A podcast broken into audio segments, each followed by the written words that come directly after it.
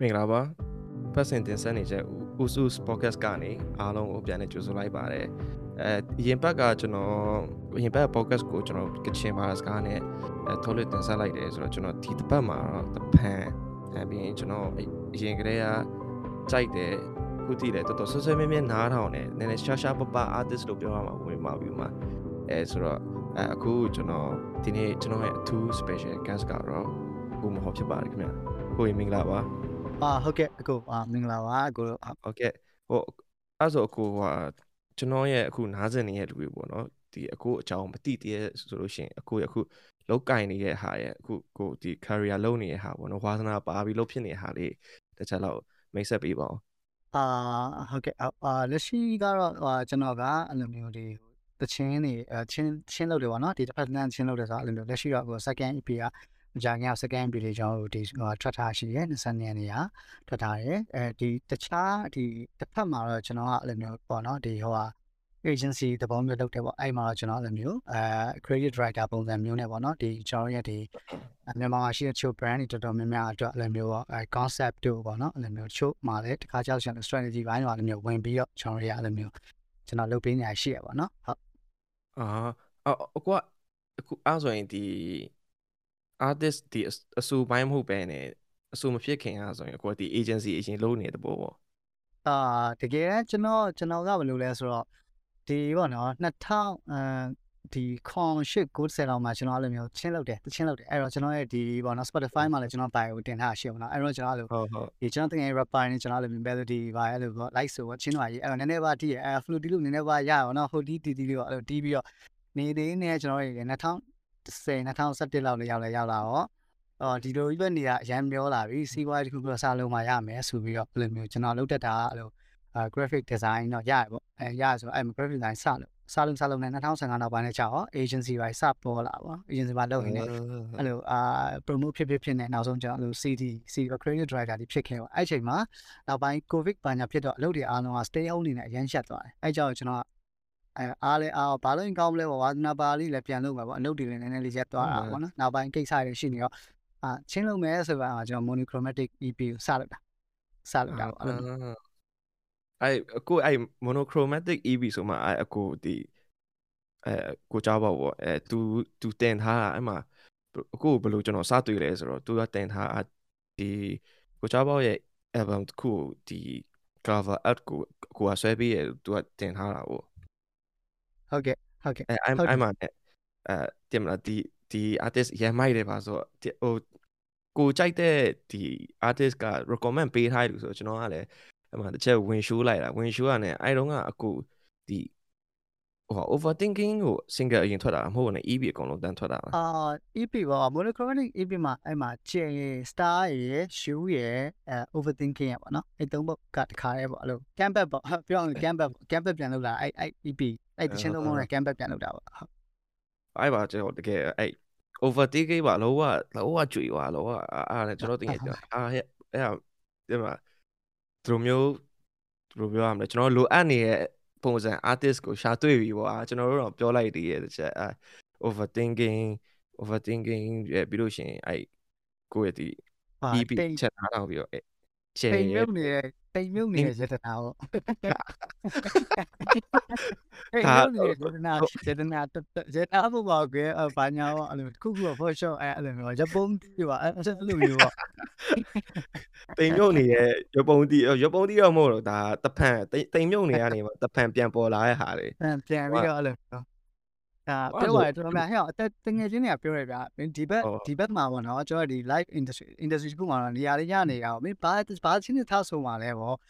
အဲထူးကြတာကျွန်တော်လုံးဝအဲ့လိုလူကြီးရှင်းမှာချင်းသိမ့်မဆိုအဲရုံးမှာဆိုတော့ကျွန်တော်တခါမှချင်းဖွင့်အောင်မသိမကြဘူးဒါပေမဲ့ကျွန်တော်ကြောအတွင်းထဲမှာလောင်နေရပါကွယ်တဲ့အဲ့လိုမျိုးလောင်ကျွန်တော်ဖြစ်ချင်တဲ့ကလောင်ဒါပေမဲ့အဲ့လိုနေနေတာအဲ့တော့ကြော်ညာရှင်းနေကျွန်တော်ဝင်ရေးအဲ့ကျွန်တော်ချုပ်ဝေရကြော်ညာရှင်းရှိတယ်အဲ့လိုဆိုဝင်ရေးအတင်းနေတဲ့မှာ client တွေပါရှိမှကျွန်တော်စိုးပြလုံးအဲ့လို ချက်တော့မရှက်ဘူးပါအဓိကလည်းကျွန်တော်လုံးနေရလို့ကဒီ design ဆွဲရ idea လုပ်တယ်ဆိုရင်ကျွန်တော် client ကို presentation လုပ်ပြီးရောင်းရတယ်ရောင်းတဲ့အချိန်မှာကျွန်တော်တို့ရအဲ့လိုမျိုးဟိုကိုကပြောရဲမှာကိုကဒီမှာရောင်းနိုင်မှာ agency မှာကအစီပြရမယ်အဲ့ခါကျတော့ကျွန်တော်ချင်းကလုံးဝစိုးပြအိမ်မှာ guitar တီးခိုင်းရအဲ့လိုမျိုးတိုင်းအောင်ချင်းတော့ instrument တွေပဲယူပါပဲဟိုရောက်တော့စိုးပြရမယ်လောက်လောက်တော့အမှတိရတိရပိုးကိုတိရဒါပေမဲ့အဲ့လိုမျိုး EP ထားလုပ်လိမ့်မယ်လို့မထင်တာတဲ့ကျွန်တော်ရဲ့ဒီဘက်က creative industry ရဲ့လူတွေကမ ထင်တာကြဘူးအဲ့လိုဒါဖြစ်လာတဲ့ကိုနားမထောင်ကြဘူးအဖွင့်နေပြောမယ်နားမထောင်ဝင်နေနှစ်လသုံးလကြာတော့မှအာမစိုးလို့လူပြောများလာပါသူကဝင်လာတာပဲအဲ့ကျမှသူ review တွေစပေးကြအဲအဲ့လိုမျိုးအဲ့လို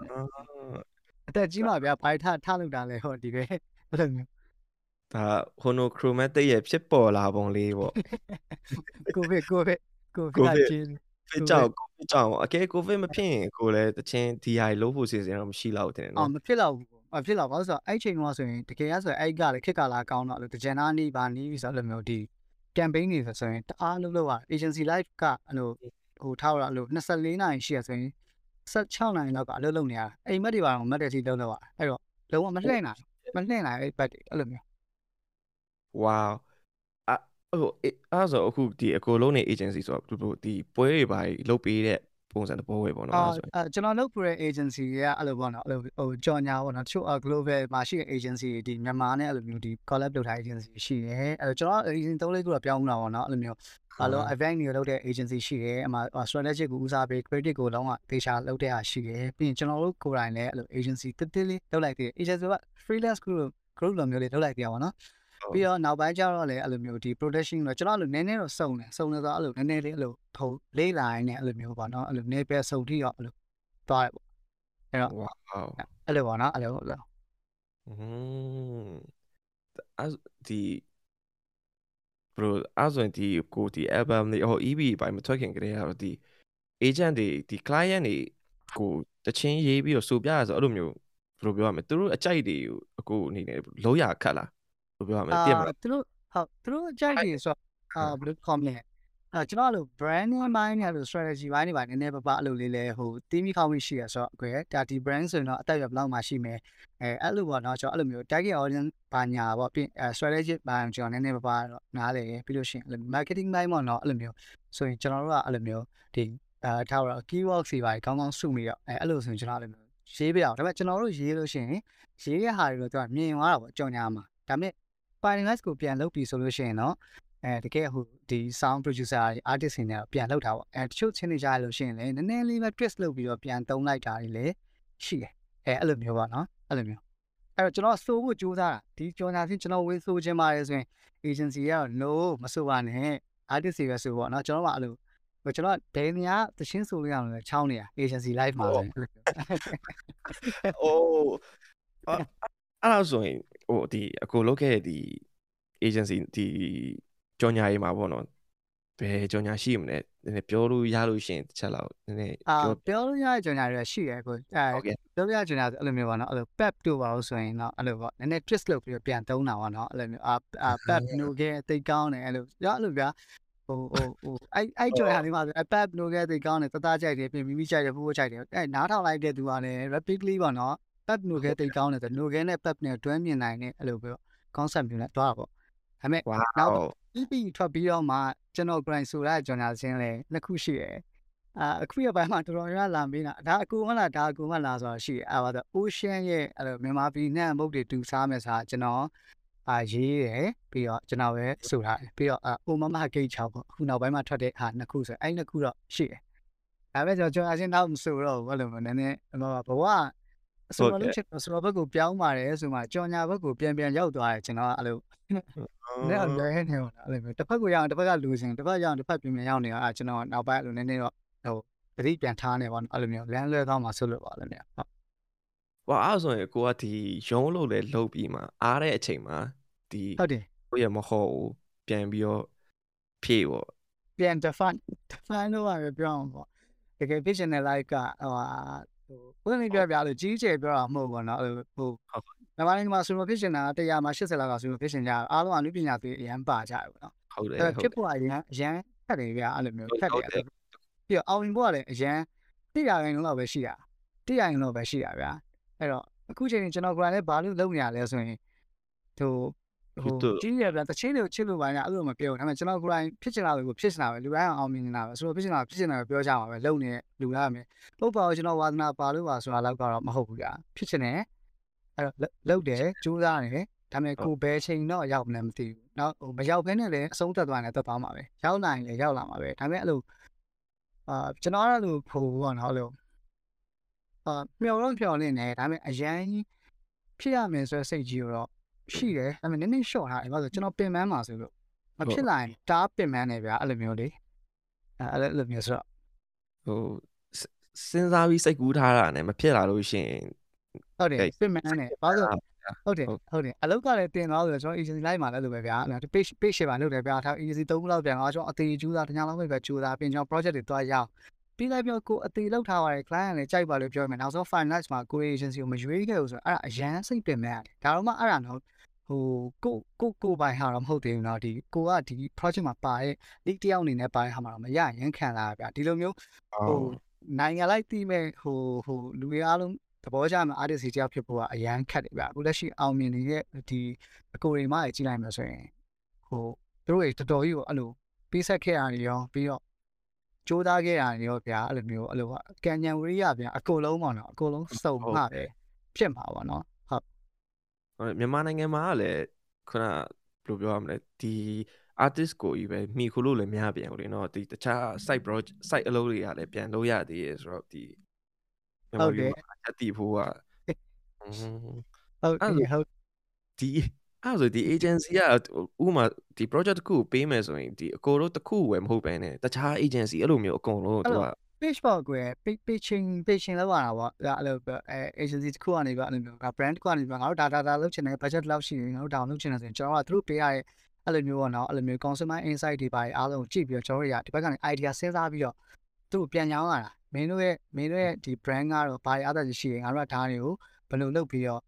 အာဘယ်လို idea လောက်ထားတယ်ဘယ်လို big idea လောက်ထားတယ်ဘယ်လိုမျိုး concept တွေနဲ့သွားမယ်ပြီးပြီးဘယ်လို deliver လုပ်မယ်ပြီးလို့ရှိရင်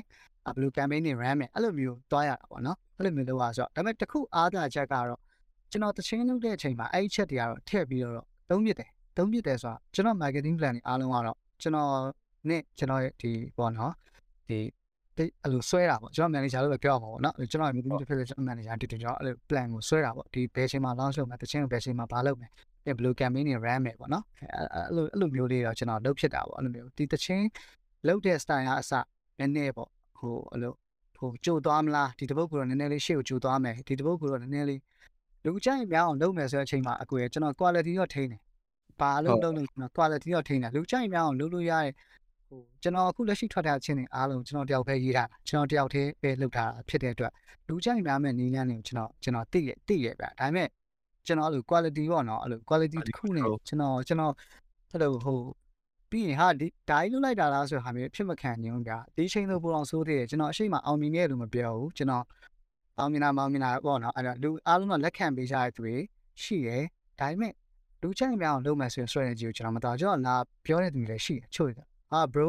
ဒီလိုလေးလုပ်ရင်မကောင်းလားဒီလိုလေးလုပ်တာလူပိုသိမယ်ပေါ့နော်အဲ့လိုနည်းနည်း catchy ဖြစ်တာ trend ဖြစ်တာ double meaning ဖြစ်တာအဲ့လိုချင်းတွေလုပ်ကြည့်ပါလားဆိုရင် ကျွန်တော်လုံနိုင်လိမ့်မယ်လို့ထင်တယ်ကျွန်တော်မှလည်းအဲ့လူငယ် rap ဘောကတော့ရေးရချင်းနေဆိုရင်ဗျာအဲ့လိုနည်းနည်းပါးပါအဲ့လို catchy ဖြစ်တဲ့ချင်းတွေရှိအဲ့ခစ်ချင်းတွေကရေးခဲ့ချင်းဒီဘက်မှာလာဆိုမှ date out တာလည်းပါတယ်ပြီးတော့ပြီးတော့အဲ့လိုကျွန်တော်မလုပ်ချင်ဘူးဗျာအဲ့လိုနည်းနည်းကျွန်တော်လုပ်တဲ့လုပ်ပေါ်မှာကျွန်တော်နည်းနည်းဟိုတစ္ဆာရှိချင်တယ်အဲ့လိုမျိုးလေးဂျိုးသားချင်းတယ်အဲ့လိုမျိုးဟုတ် commercial အရင်မဆန်ခြင်းဘူးပေါ့ဗျာဟုတ်တယ်ဟုတ်တယ်တိတ်ခတ်ထားခြင်းနဲ့ကိုဟုတ်တယ် ဟုတ်တယ် commercial လုပ်နေအောင်ပါဗျာအဲ့လို quality ရှိရဲ့ commercial ဥပမာအခုကျွန်တော်အဲ့လိုလုပ်နေ you တို့ဘာလို့ဆိုရင်ဗျာအဲဒါဆိုတော့ဟို commercial ဘက်ကိုနည်းနည်းသွားတယ်ဗျာအဲ့လိုမျိုးဒါကတော့ကျွန်တော်တယောက်တည်းဆိုတာထက်ပါနော်ကျွန်တော်ရေးတယ်ကျွန်တော်ဒီဟိုအာ guitar နဲ့ကျွန်တော် chord progression လေးလုပ်လိုက်တယ်အဲ့လောက်ပဲဒါပေမဲ့ produce လုပ်ပြီးတဲ့ဒီ brother တွေလည်းသူတို့ရဲ့အားတွေလည်းအများကြီးပါတယ်ပေါ့နော်ဟိုအကုန်စုလို့မှပဲဒါဒီဒီလိုဖြစ်လာပါတော့သူတို့ရဲ့အာရှိပါတယ်ကျွန်တော်ပုံမှာလေဟုတ်အဲ့ဆိုဟိုဘယ်လိုပြောရမလဲကျွန်တော်ကျွန်တော်အမြင်ပေါ့နော် အခုအကိုရဲ့ဒီ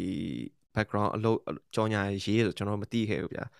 အခုကိုဒီကြောညာရေးရဲ့အားသာချက်မို့လို့ထင်တယ်အကိုရဲ့တချင်းစာသားတွေကသူများနဲ့မတူဘူးဗျာအကိုကအဲ့လိုအဲ့လိုထင်တာမဟုတ်ဘူးအဲ့လိုဟုတ်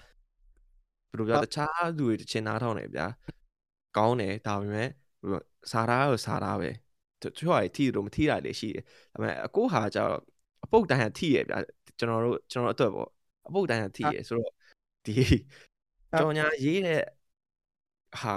ဒီတချင်းရဲ့ဘယ်လို effect တော့ဖြစ်တယ်လို့ပြောလို့ရတာဟုတ်အာပထမအောင်ကျွန်တော်အခုပြန်မေးချင်တာအကိုခဏခဏအသေးကွဲနေရလားအာမလို့ပါနဲ့မလို့ပါနဲ့ထောကြတယ်မေးမြန်းမေးမြန်းတာခံနေရအောင်ကျွန်တော်အဲ့တော့အဲ့လို Okay အာကျွန်တော်အဲ့လိုတကယ်တမ်းကျွန်တော်ကြီးလာတဲ့သချင်းတွေတော်တော်များများအဲ့လိုကျွန်တော်ဘုန်းကအဲ့လို edit လောက်မှကျွန်တော်ဘွန်းလာဟုတ်ဘွန်းနေဆိုတော့ကျွန်တော်ကြီးလာတဲ့ချင်းတွေအားလုံးကအကွယ်ဥကိုင်စာတို့ဒီမှာဥဆုံးတွင်တို့အဲ့လိုမျိုးချင်းတွေကျွန်တော်ကြီးလာတာပေါ့နော်ကြီးလာတော့အဲ့ကျွန်တော်ရဲ့စာလိုက်အားလုံးအဲ့လိုမျိုးတကယ်နည်းနည်းဟိုဟိုဖြစ်နိုင်ကြီးကိုကျွန်တော်ထည့်ရပုံများတယ်စာသားလေးမှာပေါ့နော်ဖြစ်နိုင်ကြီးရှိတယ်ပေါ့ဥမာဖြစ်နိုင်ရှိဆိုတာယူဆိုရှာတော့အာဥမာရုပ်ရှင်မကြည့်ဘူးကြပြားစာအုပ်လေးပဲဖတ်တော့မှာဆိုဒါဆိုပြလုံးဝရုပ်ရှင်ကြည့်တယ်ဆိုလို့ရှင်တော့မှအဲ့လိုမျိုးရုပ်ရှင်ရဲ့သဘောတရားပြကြည့်လိုက်မယ်ဆိုရှင် direction တစ်ခုတော့အဲ့လိုမျိုးအကြောင်းအမြင်ရော ပြီးရင်အဲ့လို visualize ပါမြင်ရဖြစ်တဲ့အတွက်ကိုကထပ်ပြီးတော့ကုန်လို့မရအောင်ကြပြားစာအုပ်တုပ်ဆိုရင်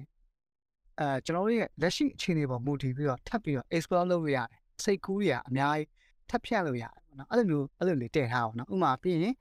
အာကျင်းကျင်းဆူတောင်းနေလူရဆူတောင်းပြေးဖို့ပေါ့နော်အဲကျယ်လေးကျင်းတာဆူတောင်းမယ်ဒါပေမဲ့အဲ့မှာထပ်ပြီးကျွန်တော်အဲ့လိုမျိုး post modern ထပ်ကွန်လိုက်တာကျွန်တော်ဆူတောင်းပြေးဖို့ကျယ်ရတယ်ပြန်ကြည့်ပေးတယ်အဲကျွန်တော်လည်းသူတို့နဲ့ဂျားမှာ connection ရှိတယ်ဗျအရန်လူတယောက်ကအရန်ဖြစ်ချက်လာပြီဆိုလို့ရှိရင် အရန်ဖြစ်ချက်လာပြီဆိုလို့ရှိရင်အဲ့လိုမျိုးဟိုဟိုဝိုင်းပြီးတော့ support ပေးရဆိုရဲမမြင်ရတဲ့ဟာရှိရအဲအဲ့လိုမျိုးအကြောင်းအရာပေါ့နော်နောက်ပြီးအဲ့လိုမျိုးမော်တက်တွေလုံးလားဆိုတာဗျအဲ့လိုကောင်ဝါလေးကိုအဲ့လိုမျိုးဘယ်လိုဟိုဘယ်လိုပြောမလဲမော်တက်ဆိုတာဗျကျွန်တော်ဘယ်လိုလဲဆိုတော့အောင်လန်းနေနဲ့လောက်တာပြောတာမဟုတ်ဘူးအောင်လန်းနေနဲ့အဲ့လိုမျိုးလောက်တာမဟုတ်ပဲနေဘယ်လိုလဲဆိုတော့မော်တက်ဆိုတာဗျအဲ့လိုမျိုးဟို magic sand နဲ့ခံစားမှုမျိုးလေးပေါ့အဲ့လိုမျိုးအဲ့လိုအဲ့လိုမျိုးကောင်ဝါလေးကိုဘယ်လို twist လုပ်ရမလဲမော်တက်လူလားဆိုကောင်ဝါလေးကိုကြိုက်လာအောင်ကိုကအဲ့လို magic sensor လေးဘယ်လို အာလုပ်လို့ရမလဲပေါ့နော်အဲ့တော့အဲ့ဟာအားလုံးက inside ထဲမှာအုံနေတာအဲ့ကောင်လေးကောင်မလေးဟိုတော့တိအောင်ထားတာမဟုတ်ဘူးအုံပြီးတော့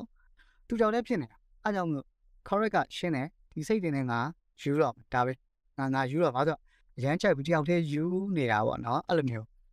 wow ချိန်နေပေါ့နော်တချင်း concept ကလေအဲ့တော့အဲ့ concept ကိုစပြီးတည်ပြီးရေးပြတာလေကျွန်တော်တို့ရဲ့ကျွန်တော်တို့ခက်က9တန်း10တန်းကျောင်းသားတွေရဲ့ insight နဲ့ကျွန်တော်ရေးတာ อืมဘရိုဘရိုဒီဘက်ခင်မှာဗျာအရန်ခွန်8 9လောက်တောင်မလို့9 6လောက်ဆိုရင်တော့မှနည်းနည်းအဲ့လိုအာကြီးရရပဲပြောတဲ့ရွယ်ရောက်နေပြီ Facebook မှာတွေ့ရသလောက်ပေါ့နော်ဟုတ်ကဲ့ဟုတ်ကဲ့ကျွန်တော်ကတော့ဆိုလို့ရှိရင်10တန်းလောက်ထိကိုကျွန်တော်တွေကငါစော်လို့ပဲပြောတာကောင်မလေးကြောက်တေးပါနော်စော်စင်းတဲ့တုံးလုံးကတော့ကျွန်တော် brand လေးမကြိုက်ဘူးအာဒါငါကောင်မလေးဒါငါ main clay ပဲဒါပေမဲ့အဲ့ main clay ကခုတိအောင်မသိ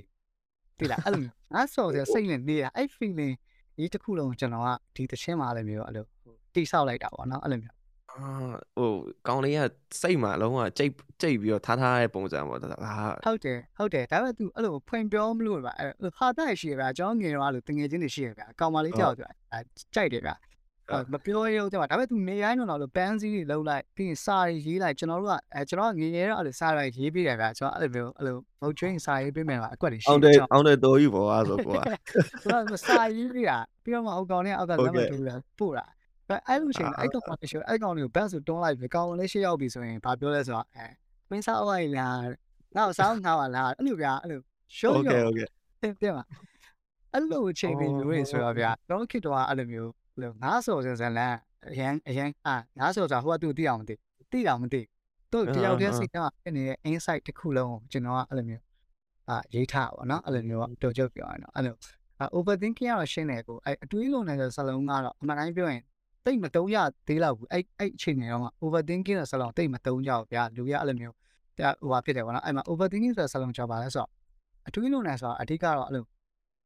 ကျွန်တော်အလုပ်ထဲမှာလည်းဖြစ်တဲ့မှုမျိုးပဲပေါ့နော်ဟုတ်ဟိုအဲ့လိုတခုခုဆိုအရန်တွေးပြီးတော့ဗျာအကြောက်တာကြောက်တာအဲ့လိုတခုခုဆိုရင်ဟိုဘာဖြစ်မလဲဆိုတာဟာအဲ့တွေးလို့ရတဲ့ concept တွေကိုကျွန်တော်ရတော့တွေးလို့ရတဲ့ concept ဆိုတာတော့အဲ့လို live sign နေရေးတာမကောင်းတော့ဘူးအသေးခွဲကိစ္စနဲ့ရေးမှာပေါ့ဥမာဟိုလက်ရှိကောင်လေးဖြစ်နေလို့မျိုးသူမကောင်းပါလေးလည်းဖြစ်နိုင်တယ် အာပြတ်သွားပြီးပြီထားပါဒီချိန်နေပဲရောက်နေမှာလေဒီနေနေဘယ်သူမှရှိနေမှာလေအဲ့လိုစာနာတဲ့အရန်ရိုးတယ်ဗျအဲ့တော့ကျွန်တော်အတွေးလို့ရဆိုတလုံးနဲ့နဲ့ပဲအားလုံးကျွန်တော်အဲ့လိုမျိုးထိလိုက်ဆွဲဆွဲသွင်းလိုက်တာ show ထိန်းရတာပေါ့နော်အဲ့လိုမျိုးမနန်းဦးရဲ့နှကန်းတွေပါဆိုလို့ရှိရင်လည်းအဲ့ဒါဒီဒီ LDRS တွေလည်းပါမယ်လုံးဝအပြင်မှာလုံးဝမတွေ့ဘူးပဲမဲ့လေအဲ့လိုမျိုး situation လည်းဖြစ်နိုင်တယ်ပေါ့နော်အဲ့လိုမျိုးကျွန်တော်အားလုံးတော့အာ market ထဲမှာကျွန်တော်တွားချင်တဲ့ audience site ထဲအတူအားလုံးကျွန်တော်အဲ့လိုမျိုးလေး ဟိုရေးထားတာပေါ့နော်အဲအတွေးဆုံးနေချင်းအဲ့လိုအသေးကွက်ချင်းပေါ့နော်အာအဲ့ဒါတော့ဒီ music producer အကူကတော့ပို့ပြီးတော့သူကတော့ကောင်းတာနော်ကျွန်တော် collab လုပ်တဲ့ brother သူကတော့80လေးလောက်ကြမယ်ဆိုတော့ကျွန်တော်ကလည်းပိုကြိုက်တယ်ကျွန်တော်ကြီးလာတဲ့ခုနှစ်တည်းကဟာတွေဆိုတော့ကျွန်တော်ကကြိုက်တော့ discovery fan တွေကြိုက်တော့လုပ်မယ်ဖြစ်သွားတာအဲဟောနောက်ကိုဆုံးအာရီကျဲနဲ့ဟုတ်လားဖြစ်လာပေါ့ဟုတ်တယ်ဟုတ်တယ်ဟုတ်တယ်ဟုတ်တယ်အဲ့လိုမျိုးကျဲကတော့ကျဲကတော့ကျွန်တော်အဲ့ဒီမှာတော်တော်ကြိုက်တယ်အဲ့လိုတချင်းပေါ့နော်အဲ့လိုကျဲရဲ့အကြောင်းကဘာလဲဆိုတော့အဲ့လို imagine ချင်းပေါ့ ကျွန်တော်အဲ့အာကျွန်တော်ရတဲ့ source ကဟုတ်မဟုတ်တော့မသိကြဘူးပေါ့နော်ဒါပေမဲ့ကျွန်တော်ဖတ်ရတော့ကအဲ့လို Doraemon အကြောင်းပေါ့နော်အဲ့ကောင်လေးကဟုတ်ဟုတ်အာအာဟုတ်တယ်ကောင်လေးကအဲ့ကောင်လေးကသူ့ဘေးမှာမရှိဘဲနဲ့သူကတကယ်ရှိတယ်လို့ပဲတောက်လျှောက်ထင်ပြီးတော့သူကအဲ့လိုမျိုးဘေးနားမှာရှိနေတာဆိုတာထင်တယ်ဆိုတော့မှုလေးကိုကျွန်တော်ယူထားတယ်ပြီးတော့ကျွန်တော်အဲ့လိုမျိုးပြီးတော့ covid ဘာညာကိုရောက်တဲ့အချိန်မှာမှချိန်ကိုစရဖြစ်တာအဲ့ covid ဖြစ်တဲ့အချိန်မှာကျွန်တော်ကဗီဇာဦးနဲ့ခွဲနေရတယ်လေဘေးတရားခွဲနေတာအဲ့ဒီမှာ ကျွန်တော်နေတဲ့ brain ပေါက်မှာအဲ့ကျဲရှိရဗျာအဲ့ကျဲအလင်းထောက်ကြကြလားမသိအရန်လင်းတယ်အဲ့ကျဲကိုကျွန်တော်အဲ့လိုကြည့်ပြီးတော့အဲ့လိုမျိုးနည်းနည်းအဲ့လိုဟိုအတွေးရအောင်ကျွန်တော်လည်းအတွေးသမားဖြစ်နေအဲ့လိုတွေးပြီးတော့နေနေပေါ့နော်အဲ့လိုနေနေနဲ့အဲ့မှာ concept ပြန်လာလာပေါင်းတာအဲ့မှာကျွန်တော်ကျဲကိုရေးလိုက်တဲ့အချိန်မှာလုံနဲ့ကျဲနဲ့ကြိုက်တဲ့ဇလန်မျိုးပြီးတော့ကျွန်တော်အဲ့လိုဗုဒ္ဓဝင်စာပေလဲကျတော့အရင်ခေတ္တရှိရလေအဲ့လိုလူနဲ့ငကားညားတာတို့အာစောကြီးသေးတောက်ပြီးသမင်းကဗိုက်ကြီးွားတာတို့အဲ့လိုအဲ့လိုလုံးဝ အကွက်တွေရှိအကွက်တွေဖျားစာတွေမှာရှိတာအဲ့လိုအစမ်းတွေကအဲ့လိုမျိုးဘလိုင်းတွေတော့အဲ့လိုကွက်တွေရှိတော့အဲ့လိုဟာတွေကျွန်တော်ကြိုက်တယ်အဲ့တချင်းမှာအဲ့လိုဟာတွေအားလုံးပေါင်းပြီးတော့ကျွန်တော်ရေးလိုက်တာကောင်လေးကကျေကိုသူ့ကောင်မလေးလို့ယူဆတာတညဘက်တိုင်းအဲ့တော့တချင်းမှာလေအဲဖော်ပြရမှာကောင်လေးကအဲ့လိုကောင်ကောင်မလေးကသူ့ကောင်မလေးကျေလေးပေါ့ကျေလေးကအမြဲတွေ့ချင်တော့သူကအမြဲ animation အဲ့ music video မှာသူက root dot လေးမှာသူကအမြဲနေအဲ့ဒါဘာလို့ကနေသူအမြဲကြည့်ရအောင်နော်အဲ့လိုမျိုး အဲ့လိုမျိုး idea လေးနဲ့ကျွန်တော်တို့သွားတာပေါ့နော်အဲ့လိုဟိုဘယ်လိုပြောမလဲဟိုပြီးတော့အဲ့မှာနောက်ဆုံးလဲကြအောင်နောက်နေ့ရောက်တဲ့အချိန်မှာ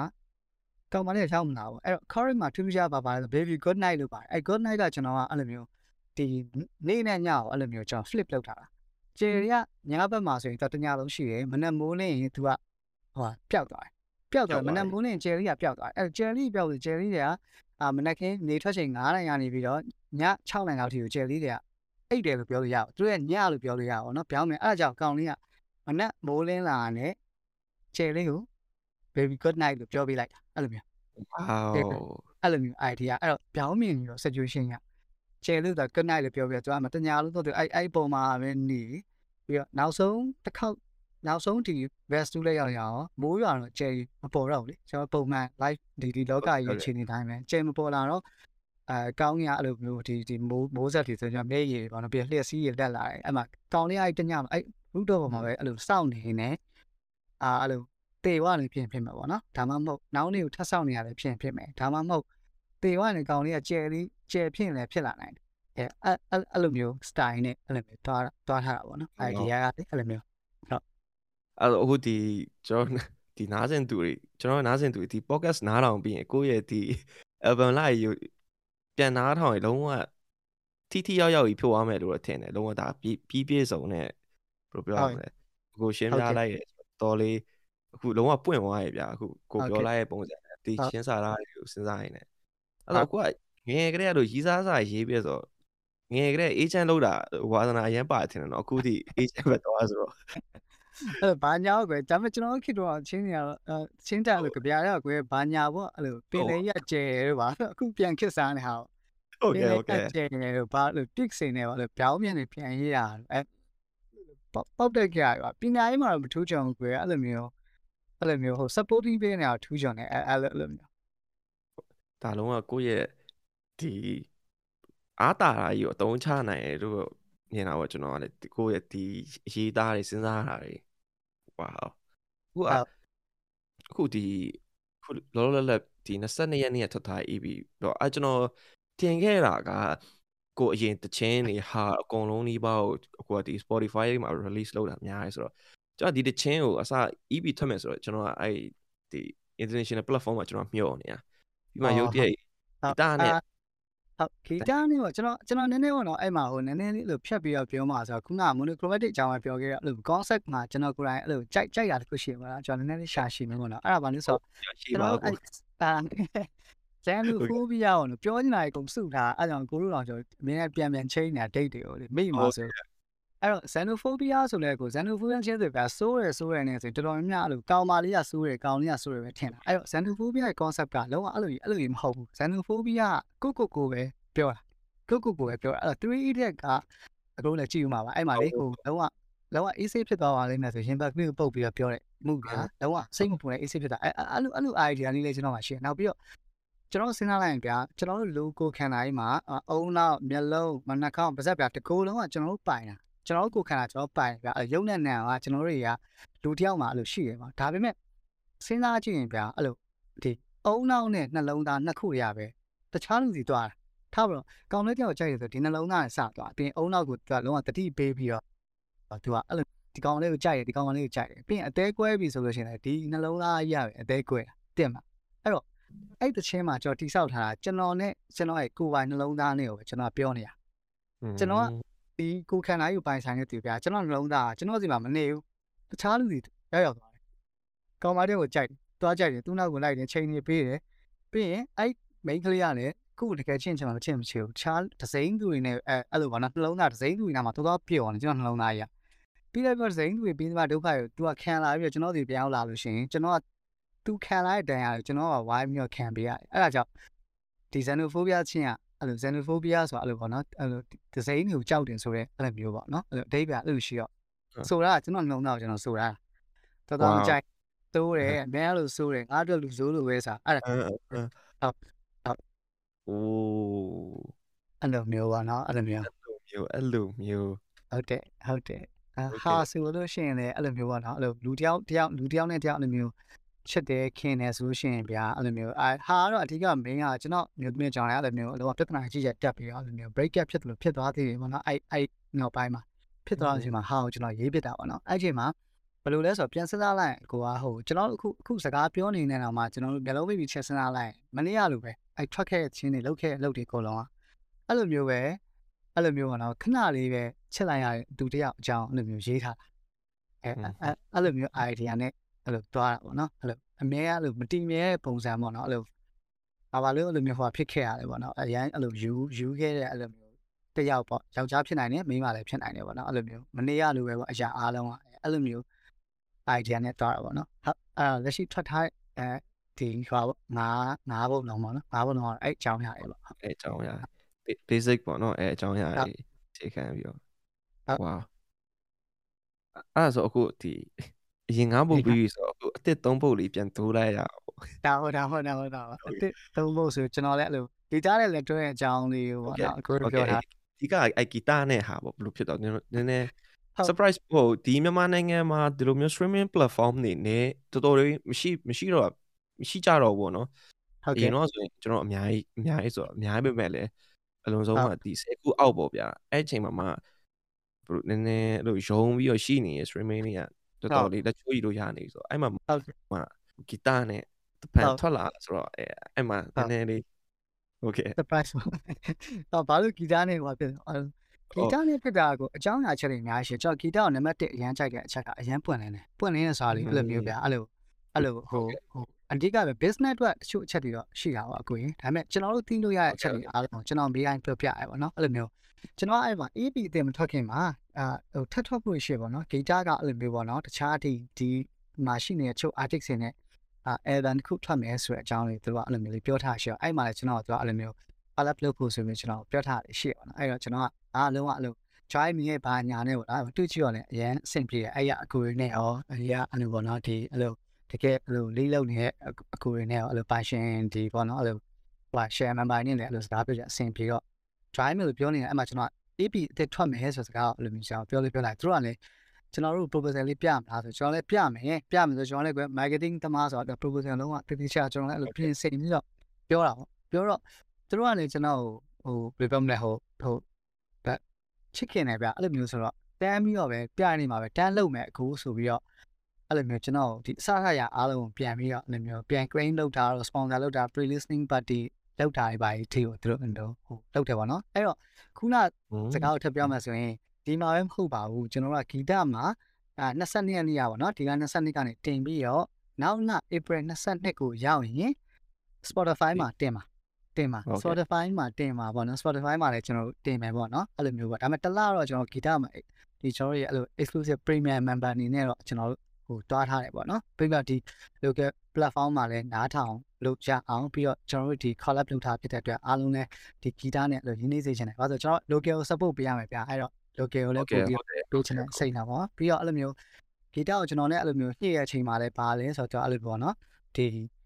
အာလက်ရှိကတော့ guitar record label ကနေဒီ album ထွက်ပြီးရယ်ပြီးတော့ကျွန်တော်ဒီ guitar application တွေပြီးတော့ဒီဟာတွေတင်ပြီးရယ်ပြီးလို့ရှိရင်အဲ့လို guitar gateway ဆိုတာပါတယ်အဲ့ဒါတော့ international platform တွေတင်တော့အဲ့လို guitar gateway ဆိုတဲ့ ဒီတစ်ခုကနေပေါ့နော်ဒီ guitar family ဒီဟိုပါပေါ့နော်အခွဲတွေကနေပြီးတော့အဲ့လိုတင်မယ်ပေါ့အဲ့တော့ဘာတွေကောင်းလာလဲဆိုတော့တစ်ခုကထူးခြားချက်ကသူကအဲ့လိုပေါ့နော်ဒီဒီ publishing ဘက်မှာဆိုကျွန်တော်ကအဲ့လိုဟိုပေါ့နော်အဲ့လိုသူတို့နဲ့ကျွန်တော်ပြောပြီးတော့ကျွန်တော်တို့လည်းလေးလာကြည့်ပါပါညာနဲ့ပေါ့ကျွန်တော်အဲ့လိုပြန်ကြည့်ခိုင်းတာပေါ့နော်ကျွန်တော်တီးတော့ကတော့အဲ့လိုမြန်မာနိုင်ငံမှာဆိုကျွန်တော်က artist တွေက international platform တွေမှာအဲ့လိုတင်လို့ရှိရင်ဒီဒီ reality ပေါ့နော် master recording တခုပဲပတ်စံရတာပေါ့နော်တေးကြီးအတွက်ကကြ promotion copyright ကကြတော့တီးတွေရမယ်တပုံကတော့မရကြသေးဘူး ဟောအဲ့တော့အဲ့လိုမျိုးဟာတွေကိုရအောင်ကျွန်တော်တချင်းရဆိုတော့ပြောအဲ့ဒါကိုကျွန်တော်သိအောင်ပေါ့အဲ့လိုလုပ်ပေးပါတော့ကျွန်တော်လည်းသူနဲ့တူတူအဲ့လိုမျိုးဆွေးနွေးပြီးတော့သူတို့ပြပေးရဟာကျွန်တော်ကြည့်ရချိန်မှာဒီဒီဒီ reality ကိုအဲ့လို collect လုပ်ပေးရဖွဲ့စည်းရတယ်အဲ့လိုမျိုး register လုပ်ထားမှရတယ်သူတို့မှအဲ့လိုမျိုး register လုပ်ထားရပါတော့ပြီးတော့လုပ်တာလေမြန်မာနိုင်ငံကနေပြီးဆိုတော့ register လုပ်လို့မရအောင်အဲ့လိုအခြေ site ပေါ့အဲအဲ့လိုအခြေ site တစ်ခုကနေနိုင်ငံတစ်ခုကနေပေါ့နော်အဲ့လိုအဲဥပမာတစ်ခုကသူကလုပ်ထားမှအဲ့ဒါရရပါတော့ဝါ အဲ့လိုဆိုကျွန်တော်ကအဲ့လိုဒီအခုဆိုလို့ရှိရင်လည်းကျွန်တော်နဲ့ဒီ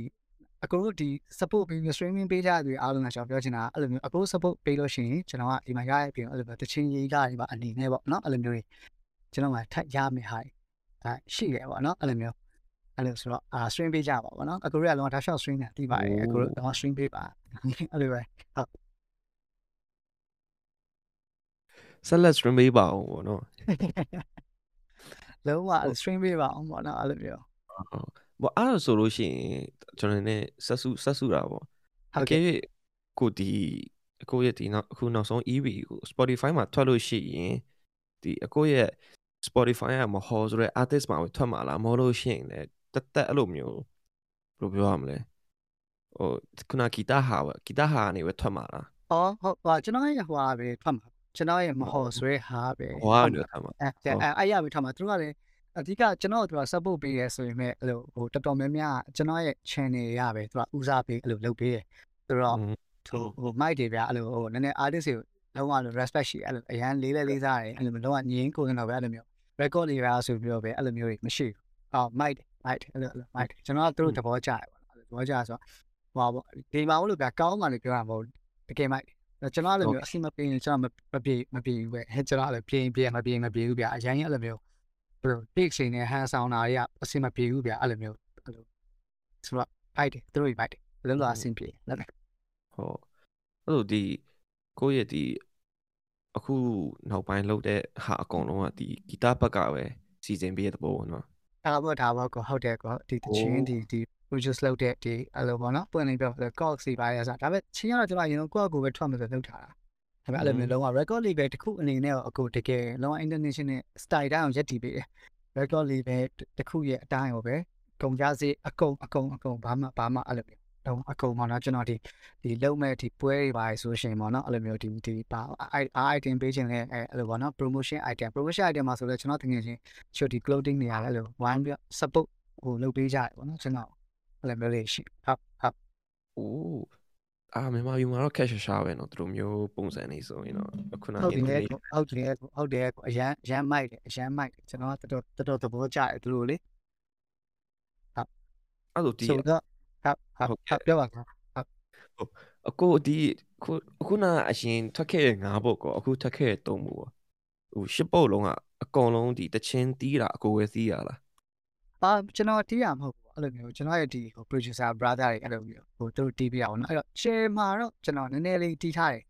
share ကအဲ့လိုမျိုး main piano line တွေတို့ share ရဲ့ဒီ music stuff ဘာညာပေါ့နော်အဲ့လိုကျွန်တော်နည်းနည်းတော့လုပ်ထားတယ်ဒါပေမဲ့အဲ့လို music music ဒီ producer ဘက်ကသူတွေကသူကပုတ်ပြီးတော့အဲ့လိုပုတ်ကောင်းအောင်တော့ထပ်လုပ်ထားပြီးတော့ဒါပေမဲ့ share piano line တွေတို့ဘာလို့တွေကတော့အဲ့လိုကျွန်တော်နည်းနည်းပါဝင်ဝင်တီးရပါဟုတ်ကွယ်ကျွန်တော်အားနည်းနည်းပါပြင်ပြင်ထားပဲနောက်ပိုင်းကျတော့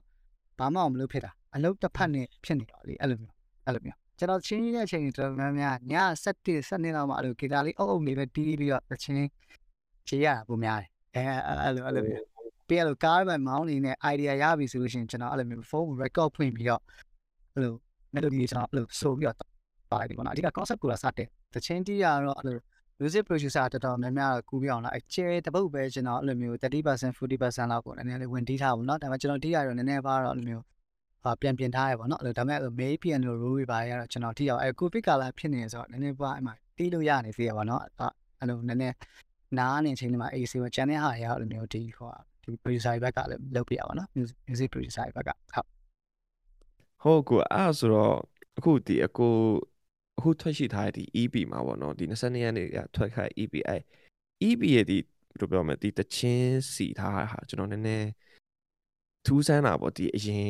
ထွက်ခဲ့တဲ့ EP နဲ့မတူပဲအခုနည်းနည်းထူးဆူးဆန်းဆန်းလေးအဲ့လိုမျိုးကျွန်တော်ခံစားရတော့ဒီကိုဒီလိုမျိုးစီထားရဟာဘယ်လိုစီထားရလဲမသိဘူးကိုဟုတ်ဟို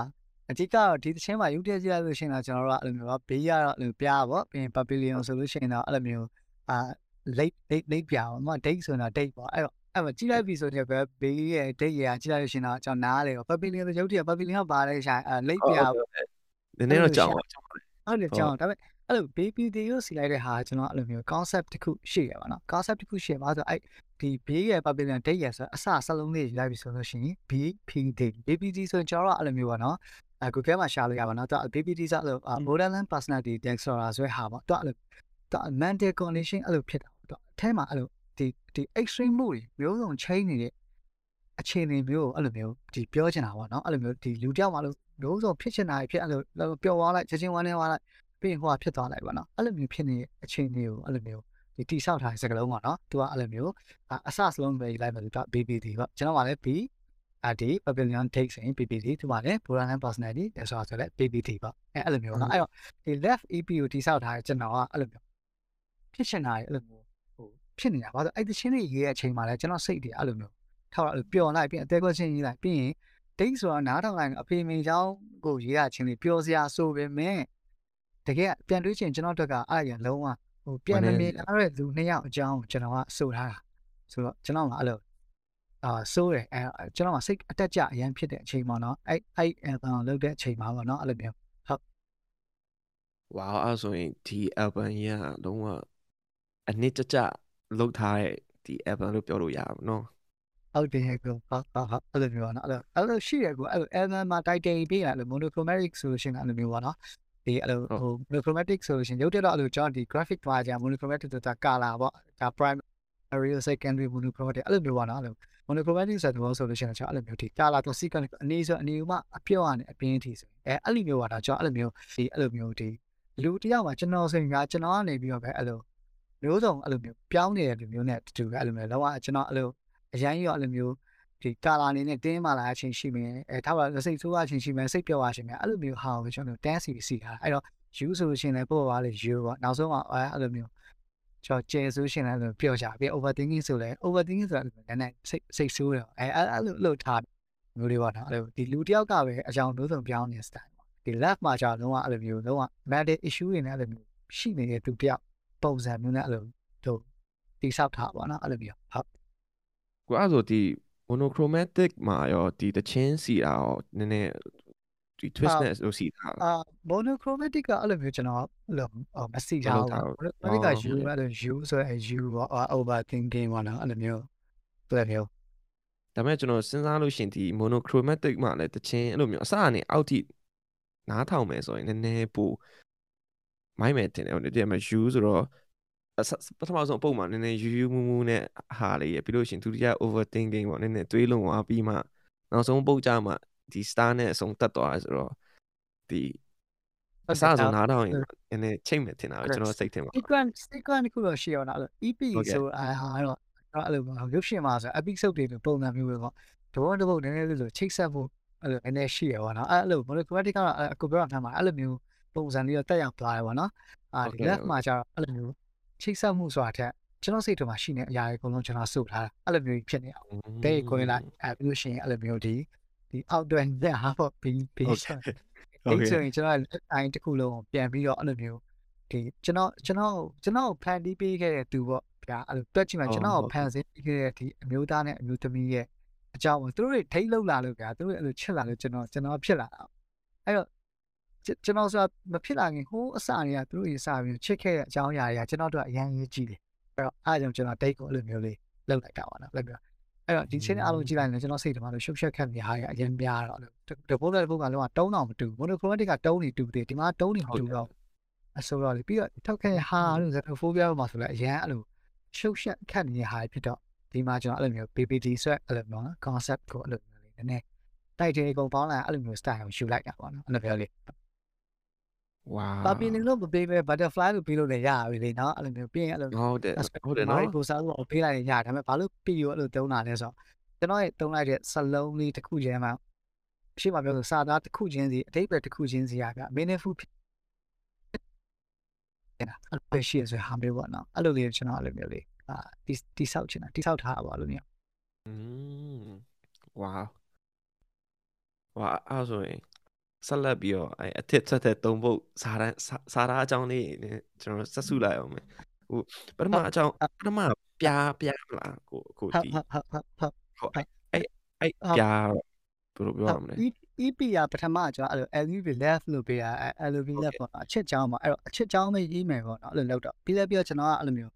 audience တွေကိုအဲ့တော့ကျွန်တော်ပို့လုပ်လိုက်သေးတယ်အသေးကွက်ချင်းနားထောင်တာအချစ်ချင်းနားထောင်တာဆိုကျွန်တော်လုပ်လိုက်သေးတယ်အဲ့တော့ အသေးကွက်ချင်းမှာလူပိုများနေပါနော်အဲ့လိုမျိုးများနေတော့ကျွန်တော်ကိုတော်တော်များအပြည့်သွားတယ်အသေးကွက်သူကျွန်တော်များရထင်တယ်ကြည့်ရအသေးကွက်ချင်းဆိုတော့အရန်ပို့ပြီးတော့အရန်တက်နေပြတယ်ဆိုတော့ကျွန်တော်အဲ့မှာအသေးကွက်ချင်းလုပ်မယ်အသေးကွက်ချင်းတပုတ်တော့ထည့်မယ်ဆိုရင်ကျွန်တော်အဲ့မှာချင်းလို့ထည့်ပါနော်အဲ့အစင်လိုက်ပြောမယ်ဆိုလို့ရှိရင်တော့ EP title left ပေါ့နော်ပြီးလို့ရှိရင်ကျွန်တော်က B ရဲ့ဒါ pavilion ရဲ့ date ပေါ့နော်အဲ့တော့နံပါတ်1 B ပေါ့အကုန်က B ရဲ့ B ပေါ့ B ကကြောက်ကြောက်ဘယ်လိုလဲဆိုတော့ idea က B ရဲ့ idea ဘယ်လိုလဲဆိုတော့ကျွန်တော်အဲ့လိုမျိုးဟို chan wing နဲ့ twin နဲ့မှာရှိနေအောင်နော်ဥပမာဟိုကြပြားစာရဲမှာအကွေလိတ်လိတ်ပြနဲ့ပန်းနေရမယ်အရင်အရင်လိုက်ဖက်ကြတယ်လိတ်ပြနဲ့ပန်းရမယ်အရင်လိုက်ဖက်ပါတယ်ကောင်မလေးလိတ်ပြဖြစ်ကောင်လေးကပန်းဖြစ်လိုက်ကောင်မလေးကပန်းဖြစ်လိုက်ကောင်လေးလိတ်ပြဖြစ်လိုက်အမြဲအဲ့လို chaos နဲ့တစ်ခုလုံးလည်းအဲ့လိုမျိုးဟိုရှိနေပေမဲ့အဲ့လိုပြားတွေဘလုံးနေကြအားလုံးမိတ်ထားတယ်ပေါ့နော်ဒီဒီအလိုက်ဖက်တဲ့မှာပြားနဲ့ ပြားနဲ့လေးပြားကြိုက်တဲ့ဇလန်ကတော့ကျွန်တော်ထင်တယ်မရှိမရှိသလောက်ပဲမရှိသလောက်ပဲပေါ့နော်ကျွန်တော်တီးသလောက်တော့ပေါ့နော်အဲ့တော့ကျွန်တော်ကအဲ့လိုပန်းအကောင်ပါလေးဆိုရင်လိပ်ပြာဆိုတာကောင်လေးပေါ့ဟိုခက်ချော့ပေါ့ bro လို့အဲ့လို bro လို့အာမဟုတ်ပါဘူးမဟုတ်ပါဘူးအာကိုပန်းနေပြီကို okay အသားလိုက်ခွချောလေးနေပဲလိုက်ဖက်ပါလို့အဲ့လိုမြင်တော့ကောင်မလေးကလည်းပန်းလေးဆိုရင်ဘေးနာအဲ့လိုမျိုးဝိုင်းနေကြပါကိုအဲ့တော့ပြားလေးဖြစ်တဲ့အဲ့ကောင်လေးကအဲ့လိုမျိုး ကောင်မလေးကိုကြိုက်တယ်ဒါပေမဲ့ပြားလေးဆိုရင်ပြားအဲ့လိုပြားဆိုရင်ကိုယ်ရဲ့လောကပြားလို့ပြောလိုက်တာလူကတုတ်တယ် negative ကစပြားဆိုရင်တုတ်တယ်ကြိုက်တယ်အဲ့အဲ့လိုမျိုးတော့ပြင်အဲ့လိုမျိုးပြီးတော့မှဟောပြားရည်ဆိုသိကြိုက်ကြပါဒါပေမဲ့ပြားကိုမြင်လိုက်ရင်တော့တုတ်တယ်ပြုတ်တယ်အဲ့လိုမျိုးပဲသွားဆိုပြားလေးနဲ့ဆိုရင်အဲ့လိုမျိုးပြားလေးနဲ့အဲ site ဘက်ကကြည့်မယ်ဆိုရင်ကောင်မလေးကိုချစ်တယ်ဒါပေမဲ့ဒါပေမဲ့ကောင်မလေးနောက်တော့ကတ်လို့မရဘူးပေါ့အဲအဲ့လိုမျိုးပေါ့နော်အဲ့တော့တချင်းကဘေးလို့ပေးထားရင်ပဲကျွန်တော်ကပြားနေရနေကျွန်တော်ရေးထားမှာမဟုတ်ရေးထားတဲ့နေရာနောက်တစ်ယောက်ရှိတယ်ဟာကျွန်တော် 2%လောက်ကိုရောက်သွားကျွန်တော်ပါလဲဆိုအဲ့ channel ဝင်းတစ်ခုလုံးကိုရဲ့မှာရှိနေတဲ့ပန်ကာလေးပန်ကာလေးအာပန်ကာလေးပေါ့တော့ကျွန်တော်ဒီအဲ့လိုမျိုးဒီပါလဲဘယ်ရက်ကလေးတိုက်နေလဲဆိုပြီးထားနေတယ်အဲ့လိုအဲ့လို plastic ပန်ကာလေးရှိတယ်အဲ့လိုအဲ့လိုပန်ကာလေးတစ်ခုပေါ့နော်အဲ့လိုပန်ကာလေးနေရာနေကျွန်တော်က channel ဝင်းတစ်ခုလုံးမှာဖြစ်ပျက်နေရမြင်နေတာပြားလေးကဘယ်လိုဖြစ်နေလဲပန်လေးကဘယ်လိုဖြစ်နေလဲအဲ့ကြောင့်အဲ့ဒီရှင်းပါ အဲ့လိုအာနေနာအောင်ဝင်လိပ်ပြလေးတွေကိုဆိုပြီးတော့ပြားလေးပြောရဟောင်းကျွန်တော်ကအဲ့လိုပန်ကာလေးဘက်ကနေအဲ့လိုကြည့်ပြီးအဲ့လိုပြောပြနေအောင်နော်အဲ့အဲ့လိုအဲ့လိုမျိုးအဲ့လိုမျိုးအောင်တွေပေါ့အောင်တွေပေါ့ idea အဲ့လိုမျိုးလေးအပြဲတဲ့အောက်တွေတော်ပဲပေါ့နော်ကျွန်တော်အောင်တယ်လုပ်လို့ရမှာဗျာအခုက merit life ဆိုတော့ကျွန်တော်အောင်တယ်လုပ်လို့ရမှာဗျာဟုတ်ကဲ့အခုကအခုတော့အောင်တွေ line ပဲပေါ့ ကျွန်တော်နောက်ပိုင်း dating app ဒီမှာလုပ်ပြီးတော့ကျွန်တော်အဲ့လိုမျိုးဟို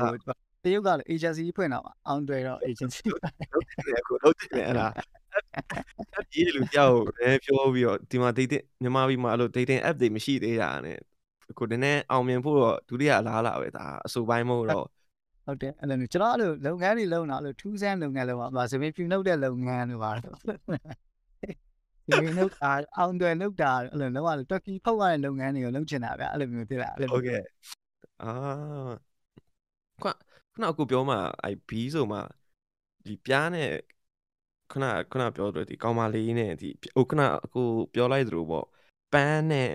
ပြားနဲ့အဲ့လာပဲပြေးမြင်နေတဲ့အချိန်မှာရုပ်တရက်ကွာချန်စီယိုကပန်ကာကြီးရောက်သွားလုံးဝပို့ပြီးတော့တင်ဘယ်လိုပြောမလဲပေါ့အုံတော့ရေဝါပွင့်သွားအိုး ဘယ်လိုပြောလုံးဝမထင်ထားတဲ့တောင်းဘယ်လိုမြင်ကွင်းကြီးဗျာဒီအခုအခုပြောလိုက်မှဘယ်သူမှမထင်ဘူးလေသူတို့ပြောရမလဲအခုဒီ chance ရောလို့မျိုးတစ်ခုလုံးကြည့်နေရမြင်နေရတဲ့လူဆိုတာဘယ်သူမှမသိဘူး90တဲ့လူသိရတော့အောင်တယ်နေပြောတော့ပြားလေးစားပန်းအောင်အဲ့လိုမျိုးအဲ့လိုဟို original ပြပြနေတဲ့ site ဘက်ကနေကျွန်တော်နေထားတာအဲ့လိုမျိုး ပြားလေးကလုံးဝပြားလေးကအများအားဆိုရင်ပြားလေးကလိုမျိုးဟိုနားမှာလာပြောလိုက်နားကပြောလိုက်ပြားလေးပြောသမျှအားလုံး overall အုပ်ထားတဲ့အဲ့ပန်ကာလေးကကြားနေရအဲ့အဲ့သူပြောသမျှစကားအဲ့အားလုံးပြန်ပြောပြနေတာအဲ့ပြားလေးကအဲ့လိုလုံးဝအဲ့လို translator တက်တက်အဲ့ပန်ကာလေးက translator တက်တက်နေရမှာနေပြီးတော့အဲ့လိုမျိုးပြောပြနေတာအဲ့တော့ music video လည်းကျွန်တော်အာဟိုရိုက်ထားရှင်အဲ့မှာဆိုရင်အဲ့လိုအဲ့ပန်ကာလေးပါတယ်အဲ့ပန်ကာလေးနဲ့အဲ့လိုပေါ့နည်းနည်းအဲ့လိုဟိုပပပါလေးရိုက်ထားတာပေါ့နော်အဲ့လိုမျိုးကျွန်တော်တောင်ကြီးသွားတော့မှအဲ့ location တစ်ခုတွေ့ရင်ချက်ချင်းဆင်းရိုက်ထားတာ အရင်မြန်ဆင်းရိုက်ထားအဲ့လိုမျိုးအဲ့ဆိုဒီ B ရဲ့ MTV ထွက်ဖို့ရှိရပေါ့ yes ရှိရဲဒါပေမဲ့ April ထဲမှာဖြတ်မယ်ပေါ့နော်အဲ့လိုမျိုးလေးဘေးရဟောလာဒါပေမဲ့ပပပါပါပဲအဲ့လိုကျွန်တော်ရဲ့ပုံစံ look တိုင်းပဲကျွန်တော်သားအဲ့လို commercial မှာအဲ့လိုမျိုး whole night နေကျဲပြီးတော့ guide တဲ့ commercial ရှိပေမဲ့ကျွန်တော်တချင်း music video ရိုက်တဲ့အချိန်တွေဆိုရင်ကျွန်တော်ပပပပါပဲအဲ့လိုအဲ့လိုလောက်လောက်ဖြစ်တယ်အာ overthinking လို့ပါတော့အဲ့လိုမျိုးကျွန်တော်လည်းအဲ့လို music player ကိုနဲ့နှစ်ယောက်လည်းလုပ်တော့ပို့ပြီးတော့ကောင်းကောင်းတော့လုပ်ဖြစ်တယ်ကြံတဲ့ဟာကျွန်တော်အဲ့လိုမျိုးပေါ့နော်ပပပပါလေးနဲ့အဲ့လိုပဲအဲ့လိုကြည့်ရမျိုးရဲ့ဟာလေးပဲကျွန်တော်အဲ့လိုသွားဖြစ်တယ်အရင်အဲ့လိုမလုပ်ဘူးပေါ့နော်လုံးဆိုရင်တော့ကျွန်တော်လုပ်နိုင်တယ် story အပိုင်းကအစားကျွန်တော်တိဆောက်နိုင်တယ်ကိုယ့်ကိုယ်ကိုယုံကြည်မှုရှိရပါတော့ကျွန်တော်တူဝန်လုပ်ထားကြညာလေးတော်တော်များများရှယ်ဆိုကျွန်တော် creative ပိုင်းကောင်းကောင်းလုပ်နိုင်တယ်ဒါပေမဲ့အကျဉ်းအဲ့လိုထူးထူးခြားခြားတော့ကျွန်တော်အဲ့လိုမလုပ်ချင်သေးဘူးပေါ့နော်နောက်တော့လုပ်ချင်လုပ်မှာပေါ့အခုကျတော့ဟိုနောက်သုံးရမယ့် budget တွေရှိနေသေးတယ်ကျွန်တော်မှလည်း ဆိုတော့ကျွန်တော်ပြန်ပြီးတော့လုပ်လို့ရတဲ့အပိုင်းတွေကလုပ်လုပ်တာပေါ့နော်အဲ့လိုမျိုးဟုတ်အဲ့ဒီခုန over ဒီ overthinking ရဲ့ MTV နည်းနည်းလေးတည်ချင်တော့ဘယ်လိုမျိုးဒီ view ကိုဘယ်လိုမျိုး create လုပ်လိုက်ရအောင်ဒီဘယ်လိုပြော overthinking ရဲ့ MTV ကတော့အထက်က overthinking music video style အဲ့တော့ string ရတဲ့ရတယ်အရန်ဟောအဲ့ရ color တွေတုံးနေကျွန်တော်တို့ရန်သဘောကျတယ်ဒါပေမဲ့အဲ့ဟာကိုတော့ရိုက်ပေးတာအဲ့ဒီ video production ပေါ့နော်1099ကနေပြီးတော့ သူတို့ idea အဓိကစဉ်းစားပေးတာသူတို့ရဲ့စဉ်းစား idea ဘာလို့ဆိုတော့အဲ့လိုအချိန်မှာတော့ကျွန်တော်ကဘယ်လိုနေလဲဆိုတော့ artist လိုပဲနေလိုက်တော့တယ်ကျွန်တော်ဝင်ပါလို့ရှိရင်တချို့ကိစ္စတွေမှာအဲ့လိုပေါ့နော်ဟိုသူတို့ပုံမှာကျွန်တော်မလေးစားကြမယ်ဗျာကျွန်တော်နေပြင်မှာအဲ့လိုမျိုးဟိုသူတို့အနေနဲ့လည်းကျွန်တော် agency ရဲ့ flow တစ်ခုမှာအဲဒီတင်းနိုင်နိုင်ကအဲဒီဟိုညီညီပေါ့နော်ကျွန်တော်ထက်လင်ငယ်ကြညီလေးကအဲ့လို respect ရှိကြတယ်ဒါပေမဲ့ကျွန်တော်ဝင်အရင်ဝင်မပါအောင်သူတို့ပြောတာပဲနားထောင်ပြီးတော့ဒီဘယ်လိုပြောမလဲနောက်ဆုံး monitor အောင်ဆင်းမကြည့်ဘူး အဆင်ပြေတာပေါ့သူတို့ okay ရဆိုရင်တော့ရတယ် mixing ပေါ့နော်အဲ့လို style နဲ့ထားလိုက်ပေါ့သူတို့ story idea ကတော့ကျွန်တော်ကအဲ့လိုပါတီမှုမှာ show မှာရှိနေတယ်ကောင်လေးနဲ့ကောင်မလေးကအဲ့လိုပေါ့ပြက်ခါစားပေါ့ကောင်လေးကအများအား overthinking ရှင်းတဲ့အတိုင်းပဲကောင်မလေးနေရာထဲမှာလို့တွေ့နေတယ်ကောင်မလေးကအေးစေးအဲ့လိုကောင်လေးရေပြတ်နေမှနေတာမှလုံးဝကြည့်နေတဲ့မှုကနေနေစိတ်နေအဲအဲ့လိုထားမျိုးလေးပဲကောင်လေးကလည်းမျိုးဟိုမှာသူ့မြင်လိုက်ပြီးရင်စိတ်ထင်တာဖြစ်နေလိုက်ပေါ့နော်အဲ့လိုမျိုး style မျိုးလေးနဲ့တွားထားပါပေါ့နော်အဲ့လိုမျိုးလေးဟုတ် အမလေးဟို Stranger Things ကာလာ fight နေပါတီအထားလေးဒါပေမဲ့အရင်ကမသိဘူးတော့ကိုရ Stranger Things ဆိုပြီးတော့အားထောင်တဲ့လူကလည်း Stranger Things ဘာမှလည်းမသိဘူးဆိုရင်ကျွန်တော်တို့ကနည်းနည်းသိအစင်ပြေပါတော့နည်းနည်း Stranger Things ကနည်းနည်းအဲ့လို American ရဲ့နယ်နယ် Stranger Things Okay နည်းနည်း1969တဲ့လောက်ကအဲ့လို ဒီဒီចောင်းသားတွေအိမ်မှာလုပ်တဲ့ပါတီမှုပေါ့အကွင် color reference ပါညာတော့ Stranger Things နဲ့ 80လေးကိုကျွန်တော်ကနည်းနည်းလေးယူလိုက်တာပါ Stranger Things ကတော့20%လောက်ပဲရှိမှာပေါ့နော်အဲ့ move လေးတော့တွားတာပေါ့အဲ့လိုမျိုးလေးဟုတ်ဟုတ်ဟောဒီ American တွေ American high school life တွေပေါ့ high school party life အဲအဲ့လိုပုံစံဟုတ်ကဲ့ဟာဟုတ်ဒါကနည်းနည်းနည်းနည်းအိုနေကြပြီကျွန်တော်ပါကျွန်တော်လည်းတော်တော်ငယ်ကြကျွန်တော်တယောက်ပဲဟိုပါဘူးမဟုတ်ဆရာကျောင်းဆရာတရားနေဝင်ပြတော့လို့ဆိုတာ မဟုတ်မဟုတ်ကျွန်တော်ဒီအကိုအဲ့လိုမျိုးဆဆတွေ့ချင်လို့ဆိုကျွန်တော်တကယ်အမှန်တိုင်းအဲ့လိုထင်လို့ရှိရင်ဘယ်လိုပြောအသက်က maybe 25အဲ့လိုမျိုးထင်တာကျွန်တော်မနာဘူးကျွန်တော်ပြီးမှကျွန်တော် bro ကျွန်တော်အဲ့လိုမျိုးမြန်မာစားစရာတွေပို့လိုက်မယ် bro လဲဟိုကဗာတခြားဟို overseas မှာဆို bro ကျွန်တော်မဟုတ်ရကျွေးမယ် bro အာဟုတ်ပြီကိုလေနဲ့တင်ပေးလိုက်မယ်ဘောချတယ်ဟုတ်ကဲ့ ဟိုကိုရအဲ့ဆိုရင်ဒီခုနအဲခုနအခုဒီအသက်အဲအဲ့လိုထည့်ပြီးမှခုနကကျွန်တော်တကယ်ချင်းအားရမဟုတ်ဘူးဟာအမျိုးသမီးနဲ့ကလေးနဲ့ဆိုမှကျွန်တော်လုံးဝဟာဟာဖြစ်သွားအဲ့တကယ်ကြီးလားဆိုတကယ်ကြီးဆိုမှနောက်မှဒီကိုနဲ့ Facebook တွေမှာ friend ဖြစ်တော့မှဟာတကယ်ကြီးပဲဆိုအဲ့ဒီကမှအော်အကွာ25မဟုတ်ဘူးပဲဆိုတော့တီးလိုက်ဟွာဟုတ်တယ်အဲ့တော့အော်45ဆိုပြီးတေချာဟောကန် အာပါဘူးအဲ့လိုလည်းမဟုတ်ပါဘူးကျွန်တော်လက်ရှိဟိုက Okay, ကို so- 34 Okay. 34ပေါ့34တဲ့မှာဟုတ်ဟုတ်34โอ้ဒါကလုံးဝ34ဆိုတာဘယ်လိုပြောမလဲလမ်းတဲ့အချိန်ပဲ34မှာတကယ်လမ်းတဲ့အချိန်ကျွန်တော်တို့ကမလန်သေးအခုမှခုနကပြောသလိုတင်မလဲနည်းနည်းငုံနေသေးရဲ့ကျွန်တော်တို့ကဟုတ်တယ်34ဆိုတော့ကွယ်နည်းနည်းထိုင်ရထားတော့ထိုင်ရထားတော့အစီမပြေဘူး6ရောက်ကျင်တာကြီးပါနော်ဖြစ်တာပါ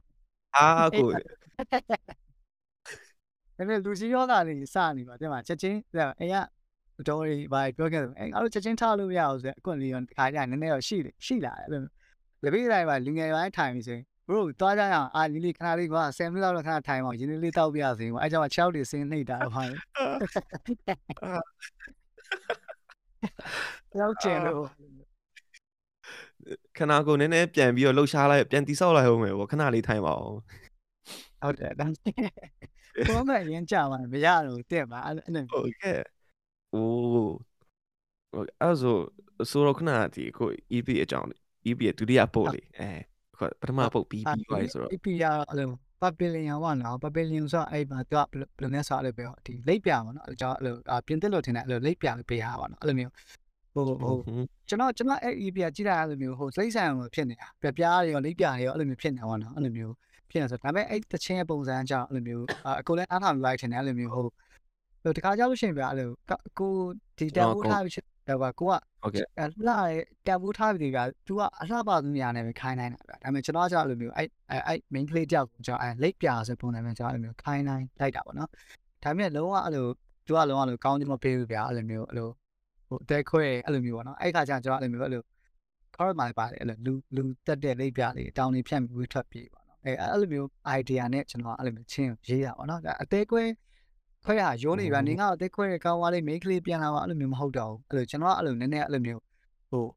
ဘယ်လိုပြောမလဲလူစားလူစားကျွန်တော်အဲ့လိုမျိုး chart object တွေနဲ့အဲ့လိုမျိုးဟိုပြောတာပေါ့နော်ဒါဒါလိပ်ပြအဲ့လိုမျိုးပြင်လို့ second မှာဆိုလို့ရှိရင်လည်းလက်ရှိအဲ့လိုမျိုးကျွန်တော်ဖြစ်နေ global လေးအဲ့လိုမျိုးအုံနောက်ကတစ်ချက်တစ်ချက်တတိပေးရဆိုရင်အဲ့လိုကျွန်တော်ဖြစ်တာပဲအဲ့လိုမျိုးလောကဟိုကို play နဲ့လူနဲ့တွေ့ပြီဆိုရင်အုံနောက်ကတတိပေးတာအဲ့မကောင်းဘူးဘာညာနဲ့ဒါပေမဲ့ နှလုံးသား play ခံနေဆန်ဆန်လို့မရအောင်အဲ့လိုအုံနောက်ကတတိပေးတယ်အာမင်းချင်းမကောင်းတော့မင်းရွှေ့လိုက်တော့ဆိုဒါပေမဲ့နှလုံးသားမရအောင်အဲ့လို virus တစ်ခုချင်းစီမှာတော့အကြောင်းအရာတစ်ခုချင်းကိုကျွန်တော်လုံးဝအဲ့လိုမျိုးတကယ်ဟိုအတိအကျနီးပါးလောက်ကိုကျွန်တော်အဲ့လိုမျိုးဟိုဟို great great လောက်ထားတယ်ပေါ့နော်အဲ့လိုမျိုးอืมအဲ့လိုမျိုးပါနော်အဲ့လိုမျိုးအဲ့လိုဟုတ်မြန်မာစကားပုံတွေလည်းပါတယ်ဘရုတီထားမယ်လေအဲ့လိုစုပ်ရင်လည်းစုစားရင်လည်းယူနမ်းရင်မုန်းမယ်ဆိုလေအဲ့လိုမျိုးအဲ့လိုမျိုးဘာမှမကောင်းဗျာအဲ့လိုမျိုး လုံးဝစာစာစာရတချောင်းချင်းစီကိုလုံးဝအနစ်တကျလေးနဲ့ပေးတာ audience တွေဒါဟုတ်အဲတွေးတွေးနိုင်မှုပေါ့နော်အဲ့လိုမျိုးတွေးတွေးလို့ချင်သားလောင်ပြီးချဲ့သွားဖို့ပေါ့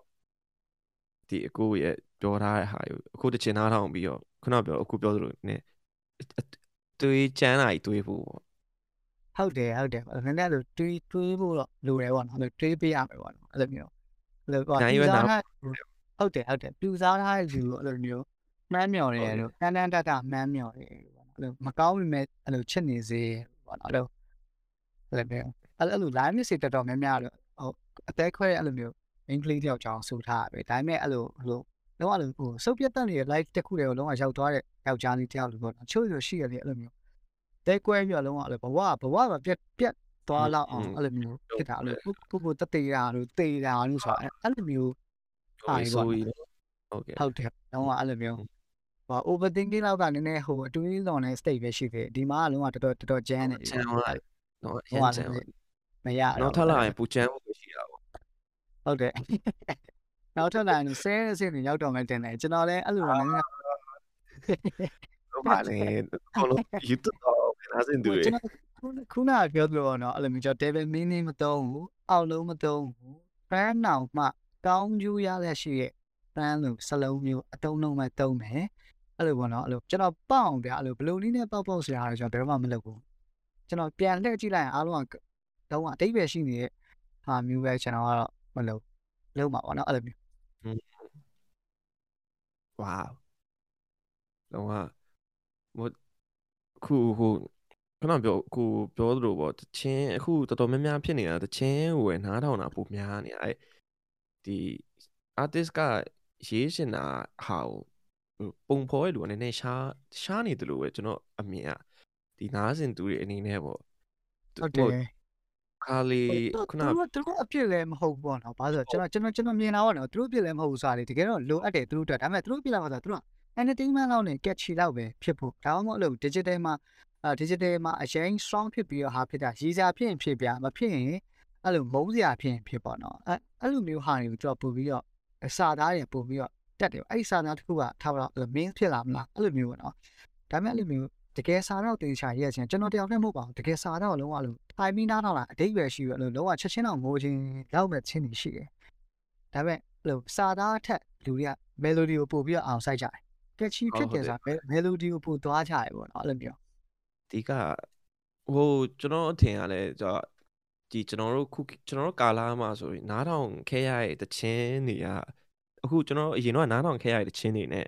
အခုနောက်ပိုင်းမှာနားထောင်ခဲရတဲ့တခြင်းတွေကအရင်ကွာသွားပြီလို့ကျွန်တော်ထင်တယ်ဘာလို့လဲဆိုတော့အရင်တော့ချင်းဆိုရင်ခုနကလို့ဒီ melody ကို share ပြီးတော့ share အားပြုထားတာပြီးလို့ရှိရင်နည်းနည်း commercial ဘက်သွားတာအဲ့ဘက်အရင်တော့များတယ်ဗျာကျွန်တော်အခုအမြင်နဲ့ပြန်ကြည့်မယ်ဆိုလို့ရှိရင်ဒါပေမဲ့အခုအခုကာလာကြတော့အကုန်လုံးကနည်းနည်း တည်မလားဟိုနည်းနည်းပေါက်လာပြီဘာလာပြီအဲ့လိုမျိုးဖြစ်လာတဲ့အချိန်ကြာမှာတချို့တွေကစာသားရဲ့အသေးစိတ်ကိုပြန်နားထောင်ရရှိတယ်ဒါပေမဲ့ခုနအကူပြောတော့နည်းနည်းတော့နေသေးတာပေါ့အဲ့လိုမျိုးနည်းနည်းဒီတချင်းရဲ့အယူရှုဖို့အဲ့ဒါကြောင့်ပေါ့နော် concept ကိုလည်းကျွန်တော်ဒီနေ့အကူတို့လည်းကျေးဇူးတင်တာပါလို့ဆိုတော့ concept ကိုသေချာမေးရတဲ့အတွက်ပေါ့ကျွန်တော် concept ကိုပြပြကျွန်တော်လည်းတကယ်ဝမ်းတာတယ်ဘာလို့လဲဆိုတော့ ဟိုကျွန်တော်ဖန်တီးရတဲ့နောက်မှာ concept တွေအကြီးရှယ်ပဲအဓိကကျွန်တော် concept ဘယ်မှာဖြစ်နေလို့ပဲ concept ကိုပို့ပြီးတော့အာရုံရမ်းစိုက်ပြီးတော့ရေးတာပေါ့နော် lyrics တွေကိုတကယ်တချင်းရေးရဆိုလို့ရှိရင်ကျွန်တော်တကယ်ရေးပြီးဆိုအစအဆုံးကအကူစီရောက်သွားရောက်သွားတာဒီတချင်းတပုတ်စာပဲ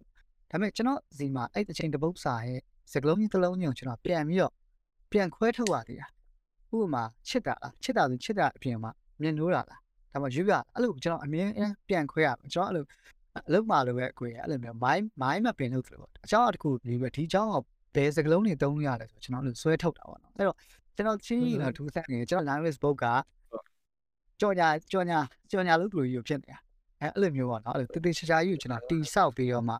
ပြီးရင်ရှေ့ရနေနောက်ကိုပြန်ဖက်နေတာအတိတ်ပဲရှိနေတာမျိုးဒါမှမဟုတ်အဲ့လိုပေါ့နော်ဟိုအရှိရစလုံးနဲ့နောက်ကစလုံးနဲ့ပြန်ချိန်လိုက်ရင်လေအတိတ်ပဲရှိနေတာမျိုးပဲဖြစ်ဖြစ်ပေါ့အဲ့လိုမျိုးကိုကျွန်တော်ကပို့ပြီးတော့ဖြစ်တယ်အဲ့တော့ဟို စကလုံးတွေအားလုံးကကျွန်တော်အဲ့လိုမျိုးဟိုတစုလေးဖြစ်နေတာမျိုးပေါ့လုံးဝအုံကြီးဘာတစ်ခုခုကလုံးထွက်မနေဘူးတချို့စချင်းတွေဆိုလို့ရှိရင်အကွယ်ဟိုကျွန်တော်ရင်းတော့ရေးရပွဲချင်းတွေပြောတချို့စာသားဘာမှမလိုဘဲနဲ့ထည့်လိုက်တဲ့စာသားလေးရှိတယ်ကျွန်တော်အဲ့လိုမျိုးဖြစ်ချင်တာတလုံးချင်းအစအဲ့လိုဒီဤ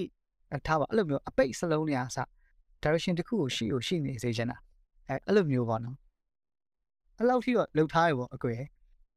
အဲအဲ့လို အဲ့လိုဆိုတော့ကျွန်တော်ကိုယ်တိုင်ကြိုက်တယ်ကျွန်တော်ကိုယ်တိုင်ကြိုက်တော့မှပဲအကူတွေလက်ထဲကိုကျွန်တော်ထည့်တာပရိသတ်လက်ထဲကိုကျွန်တော်ထည့်တာဆိုတော့တော့ဟိုကျွန်တော်ဘယ်ချင်းကြိုက်နေဆိုရင်တော့ကျွန်တော်အကုန်လုံးကြိုက်ဆောင်မယ်ဒါပေမဲ့တချင်းတစ်ပုတ်ချင်းသေးတဲ့မှာတော့ဟိုပိုကြိုက်တဲ့ချင်းတော့ရှိရပါဘူးဒါပေမဲ့အဲ့လိုအားလုံးကြတာအားလုံးကြိုက်တယ်ဒါပေမဲ့ဘသူ့ကိုဘသူ့ကိုပူချစ်လဲတော့အဲ့ကြအဲဘယ်ဘယ်ပုံလေးတော့နည်းနည်းပူချစ်တယ်ကြိုက်တာတဲ့ဟုတ်ချစ်တယ်လို့ပြောနေတာပုံမှန်တယ်ကျွန်တော်ချင်းနေတော့တော်တော်ချစ်တယ်ပေါ့နော်အဲ့လိုကျွန်တော်ကိုယ်တိုင် မွေးလာတဲ့ဟာမျိုးဖြစ်နေအောင်အဲ့လိုပေါ့နော်ဒါပေမဲ့အဲ့လိုဒီကပန်ပန်ပန်ပန် music producer တို့ဘာလို့အဲ့အဲ့ဒါရောရှိသေးတာပေါ့ဗျာဒါပေမဲ့ကျွန်တော်ကိုယ်တိုင်အဲ့လိုမျိုးဟိုမွေးလာတဲ့ဟာမျိုးဖြစ်နေအောင်တပုတ်တပုတ်ရအောင်ကျွန်တော်လူပြီးရေးခဲ့တဲ့အချိန်ကြီးရှိတယ်စဉ်းစားရတာရှိတယ်ပြီးမတူအောင်လုပ်ရတာရှိသေးတယ်အဲ့လိုမျိုးဟုတ်တယ်ဟုတ်တယ်ဟုတ်တယ်နော်ဒါဟိုဒါအခုကိုတို့မျိုးတွေမရှင်းပြရင်ကျွန်တော်တို့လည်း overthinking တွေဖြစ်နေပုံမှာပဲ လုံးဝတွေးချင်တာတွေးအဲ့လိုမျိုးအာဟုတ်တယ်ဟုတ်တယ်ကိုပြီးတော့ music video ရနေဆိုတော့အရန်ကြောက်တာအဲ့ဒါကျွန်တော် music video တော်များချင်းအကိုရဲ့ storyline ဆိုတာထက်ကျွန်တော်ကအဲ့လိုမျိုးအစိုးကတ်တွေနဲ့ပဲပူရိုက်တယ်ဆိုတော့ကျွန်တော်ရုပ်ကိုပြချင်တော့မဟုတ်ဘူးအဲ့ဒါကိုလည်းကျွန်တော်တခါလေးဒီမှာပြောပြချင်တာဘာလို့လဲဆိုတော့ storyline ကိုတင်းဥဖော်ဆိုတာအရန်အရန်ခတ်တယ်ဗျာအဲ့လိုမျိုးဒီတချင်းကိုပေါ်မဲ့ video တစ်ခုရိုက်ကျွန်တော်သိလို့ပြောဝတ္ထုတစ်ခုကိုရိုက်လိုက်ရင်ဘယ်တော့မှမမှီဘူးဆိုတဲ့စကားပဲလူတိုင်းထွက်တာ တချင်းဆိုရဟာဆိုရင်ရိုက်လိုက်ရင်ပူအောင်စူးသေးတယ်တကြောင်ချင်းဟိုမှာဗျတချင်းတကြောင်အစနေဆုံးပြီးဆိုလို့ရှိရင်တော့မှသူက3စက္ကန့်နဲ့4စက္ကန့်ဒါပါတော့เนาะဒီစက္ကန့်3နဲ့ကြားမှာ live စကြောင်ရှိနေတာအဲ့ live 30စက္ကန့်နဲ့မှာပေါ်ဘူးဆိုတာကိုရိုက်ဖို့ကခက် commercial တောင်မှတကယ်ဆိုရင် ဟုတ်တာ မပေါ်တဲ့ commercial တောင်ရှိရဘာ product မှမသိလိုက်တဲ့ဟာတောင်ရှိတယ်တချင်းတစ်ပုတ်လုံးဆိုလို့ရှိရင်ဗျာအဲ့လို3မိနစ်ဗျာဒါ3မိနစ်ဖြစ်နေတဲ့အတွက်ပြမှာအရန်ခက်တော့ကျွန်တော်ကအစိုးကက်နဲ့တချို့ကျွန်တော်ပေးချင်တဲ့နမိတ်ပုံတွေ ကျွန်တော်နမိတ်ပုံထည့်တာပုံများတယ်ရိုက်ပြီးဆိုရင်ကျွန်တော်အမြင်ရိုက်ပြီးရဲ့အာကိုပိုင်ဆိုဦးဆိုရင်အကိုလည်းရှိကိုဦးနီလို့လည်းခေါ်ကြရပါတော့သူဆိုရင်ကျွန်တော်ရိုက်ရင်နမိတ်ပုံတွေပဲထည့်ပြရများတယ်ဟာမှာဆိုရင်အဲ့လိုမျိုးဒီထည့်ရတဲ့ item လေးတွေကအဲ့လို drink catcher လို့ဘာလို့ဆိုအိမ်မက်မက်နေရဖြစ်တဲ့ drink catcher လို့ပြီးရင်အဲ့လိုပန်းပန်းဖြူလို့ကျွန်တော်တုံးထားတာဟုတ်အဲ့လိုပန်းပန်းမွန်လေးအဲ့လိုမျိုးပေါ့နော် xenophobia မှာဆိုရှင်လေအဲ့လိုအာဓာတ်နဲ့ထိုးပြီးထွက်သွားဆိုအဲ့အဲ့လိုမျိုးပဲပေါ့တော့အဲ့လိုမျိုးနည်းနည်း ထည့်တာပေါ့အဲ့လိုဟုတ်ဝါဘယ်လိုပြောရမလဲလုံးဝစွန့်စွန့်အားဝါအခုအခုပြောနေရအကုန်လုံးနားထောင်ပြီးတော့တကယ်ခုနညီမပြီးမှအဓိကအဲ music video အဲ့လားပဲအရန်ကြည့်ကျင်ကြအဲ့လိုမျိုးဘယ်လိုပြောရမလဲတချင်းဆိုရင်ဗျာ music video ရှိမှနားထောင်တဲ့အကွက်တွေအရင်တော့ဆိုရင်သိရမလားဟိုဒီ music video က ဒီတချင်းရဲ့ story ဟုတ်ဟုတ်မဟုတ်ဟုတ်ဘယ်လိုပြောမလဲအဲ့တချင်းဆိုတဲ့ရုပ်လူရဲ့ရုပ်ကိုကြည့်ရနေအောင်ဂျင်းနဲ့နေတဲ့ဟာကြီးပေါ့ဒီမှာပြီးမှအဖြစ်များတဲ့ပုံစံတွေကဟုတ်တယ်ကျွန်တော်ကကျွန်တော် product တွေကမင်းရောင်းရောင်းပြန်ပြီကွာ make it တွေလို့အာရောင်းပြန်ပြီကွာအဲ့လိုမျိုးအဲ့လိုမျိုးပေါ့အာမဟုတ်ဘူးရောင်းဘူးနမိတ်ပုံနဲ့အစုပ်ကနဲ့တွဲထည့်တာမှတချို့ပဲတချင်းနဲ့လူနဲ့မတွဲမိမှာဆိုလို့လားဟိုတချင်းနဲ့လူနဲ့မတွဲမိဘူးဆိုတဲ့ခက်ကကြံခဲ့ပြီ2000နဲ့ ဒီ15နောက်ပိုင်းတော့မှကြံခဲ့ပြီအဲ့တော့ digital မှာအဲ Facebook မှာမရှိတာအရင်အဲ့လို digital မသုံးကြတော့လူနဲ့ချင်းနဲ့မတွဲအခုဆိုရင်များကျွန်တော်ချင်းတင်ရင်တော့ကျွန်တော်အကောင့်မှာတင်တာပဲအနည်းဆုံးတော့ဒီလူက music video ကကျွန်တော်ရုပ်ကြီးပြတော့မှမြင်တာမျိုးမဟုတ်နိုင်ဘူးဗျာဒီတချင်းကိုကြိုက်ပြီဆိုရင်အခုနောက်ပိုင်းလူတွေကအရန်ချေရခဏရန်တော်ဒီတပုတ်ကိုကြိုက်ပြီဆိုရင်မှတောက်လျှောက်အဲ့မှာလိုက်ပြီးအဲ့လူအနောက်တောက်လျှောက်လိုက်ပြီးအဲအဲ့လိုမျိုးလိုက်ပြီးတော့မှဒီဒီလူအကြောင်းမှအကုန်သိအောင်လုပ်ပြီးတော့မှချင်းပို့ပြီးတော့အဲ့လိုမျိုးပေါ့တဖြည်းဖြည်းနဲ့အဲ့လိုမျိုး အာလုံး fan ကဲ hago fan ဖြစ်လာဖို့တော့ကိုစုကြတာ哦အဲ့လိုမျိုးအရင်တော့အဲ့လိုမျိုးတချင်းထွက်ပြီးဆိုလူနဲ့ချင်းနဲ့မတွဲမိတာလို့ပါတော့နောက်ပိုင်းမှာသိတော့မရှိဘူးဟုတ်တယ်ကျွန်တော်ကတော့အဲ့လိုအစိုးကက်ကိုများများထည့်ဆိုတာအဲ့လိုမျိုးအစိုးကက်နဲ့နမိတ်ပုံနဲ့ထည့်ဆိုတာကျွန်တော်ကြိုက်တဲ့ style ကအဲ့လိုအဲ့လို style ကျွန်တော်ချင်းလုံးမှာဆိုအဲ့လိုမျိုးပဲရိုက်မယ်ဆိုတာမျိုးပေါ့နော်အဲ့လိုမျိုးဟုတ်တွေးထားပါနော်အဲ့လိုဒါပေမဲ့ဒီ EP မှာတော့အဲ့လိုမျိုး story line နဲ့တေချာရိုက်ရိုက်မဲ့ဒီတပုတ်တော့ပါမယ်ပါတာတော့အဲ့လိုဒီနောက်ဆုံးချင်းဖြစ်မယ်ပေါ့ နောက်ဆုံး date ဆိုတဲ့ချင်းလေးဖြစ်မှာပေါ့နော်ဆိုတော့ date တချင်းကတော့ဒီအကို post တင်တဲ့ပုံရတော့တော်တော်များများလည်းတိတ်အခြေတော့ရှင်းပြစရာမလိုတော့ထင်တယ်နော်ကိုကိုဟုတ်ဒီ Facebook မှာတင်ထားရရဆိုရင်ဟုတ်တယ်ဟုတ်အာ date date ကတော့တကယ်တမ်းမှာတော့ကျွန်တော်အဲ့လို date ကိုကျွန်တော်ဒီနေ့တော့ပြန်ပြောပြီးတော့တင်တော့တင်ဦးမှာပါနော်အဲ့ date ရဲ့တကယ် behind the story ကကျွန်တော် life မှာအကြီးကြီးဗျာအဲ့လို အလုံးကလုံးဝ drama မကိမှာကျွန်တော်လုံးဝ drama နဲ့ဝေးရမှာနေရဗျာအဲ့လို drama ရှိရင်လည်းကျွန်တော်တိတ်ပြီးတော့ဟိုမဖြစ်ဘူးဗျာအဲ့လို level ကိုရှောင်းတယ်ဆိုတော့အဲ့လို date ကဘယ်လိုဆိုတော့ကျွန်တော် father ကြီးနဲ့အဲ့လို mother ကြီးနဲ့ဆုံးတာရှစ်လပဲကြာတယ် father ကြီးဆို mother ကြီးဆုံးတာအဲ့တော့ကျွန်တော်မှပြန်တွေးလိုက်ရင် father ကြီးနဲ့ mother ကြီးတော့အဓိကအမေနဲ့တော့သားသမီးနဲ့ပို့ပြီးနေပြတာပေါ့နော် father ရဲ့ကျတော့ဗျာအဲ့လိုချိန်လုံးအပြင်ထွက်လုံးလုံးတာများတော့ဘဝမှာဟုတ်အဖေနဲ့ကျွန်တော်တွေးကြည့်လိုက်ကျွန်တော်အမတ်တရနှစ်ခုပဲရှိတယ်အဲ့ဒါကျွ န်တော်စပိန်နဲ့ကျူရှင်ကိုသူစောပြန်လာလို့လာကြိုဘူးလာရယ်ပြီးတော့ဗာလေတည်င်းချုံမှာကျွန်တော်ဝုတ်ဖို့အဲ့ပေါ့ဘောင်းဘီဖြူနဲ့အိမ်ဖြူလေးလိုက်ဝယ်ပေးတာအဲ့တော့ကျွန်တော်ကျွန်တော်လည်းအဲ့လိုရှစ်တန်းကွာဆို rap ပါအဲ့နှစ်ခုပဲဘဝမှာအဖေနဲ့အမတ်တရရှိတယ်နောက်ဆုံးကတော့အဖေဆေးရုံအသေးတန်တက်တဲ့အချိန်မှာကျွန်တော်ရှိရပါတော့ပြီးတော့အဖေဆုံးပြီးတော့နောက်ထပ်ရှစ်လကြာအမေကထပ်ဆုံးသွားတော့ကျွန်တော် life မှာအဲ့တော့ဆိုဘာမှမရှိရဘူးဖြစ်သွားတာအဲ့တော့အဲ့မှာထူးခြားဆိုရင်မာသားကြီးဆုံးပြီးတော့နောက်ထပ်2ရက်အကြာမှာကျွန်တော်က ဒီဟောပါတော့အဲ့လို You Music Video ရိုက်ရစဉ်းစားကြည့်ကျွန်တော်ကလုံးဝအဲ့ You Music Video ရလုံးဝကျွန်တော်ကတိုင်နေပတ်နေအဲ့ချိန်ကတင်ချာမလုပ်နိုင်အပါအောင်ပါပေါ့နော်ထားပါတော့အဲ့ဒီပိုင်းအဲ့ခါကျကျွန်တော်ကပြန်တွေးရအဲ့လိုသူတို့ရဲ့အမှတ်တရဘာလုပ်လို့ရမလဲပေါ့နော်အဲ့တော့ကျွန်တော်တွေးလိုက်တွေးလိုက်ကောအဲ့မှာ date ဆိုချင်းလေးကိုလုပ်မယ်ပေါ့အဲ့ date သချင်းမှာဆိုလို့ရှိရင်ဘာကြီးပါလဲဆိုတော့ကျွန်တော်ရဲ့အဖေနဲ့အမေနဲ့အချောင်းအဓိကရေးရတာ အရင်ခေတ်တုန်းကပေါ့နော်ကျွန်တော်တို့ကအခုခေတ်လိုမဟုတ်ဘူးကွယ်အခုခေတ်လိုမျိုးကြိုက်ပြီဆိုလို့ရှိရင်အခုနောက်နေ့ကချင်းတွေးဖို့လွယ်သွားပြီသူတို့ခေတ်တော့3လလောက်4လလောက်နေတော့မှတွေ့ရတာဟာအဖေရရင်လည်းတက်မှာနှစ်ပေါင်စောက်ရတာစောင့်ကြည့်အောင်ပဲဘာညာနဲ့ဗျာအဲ့လိုမျိုးကြီးလောက်တယ်ဆိုတော့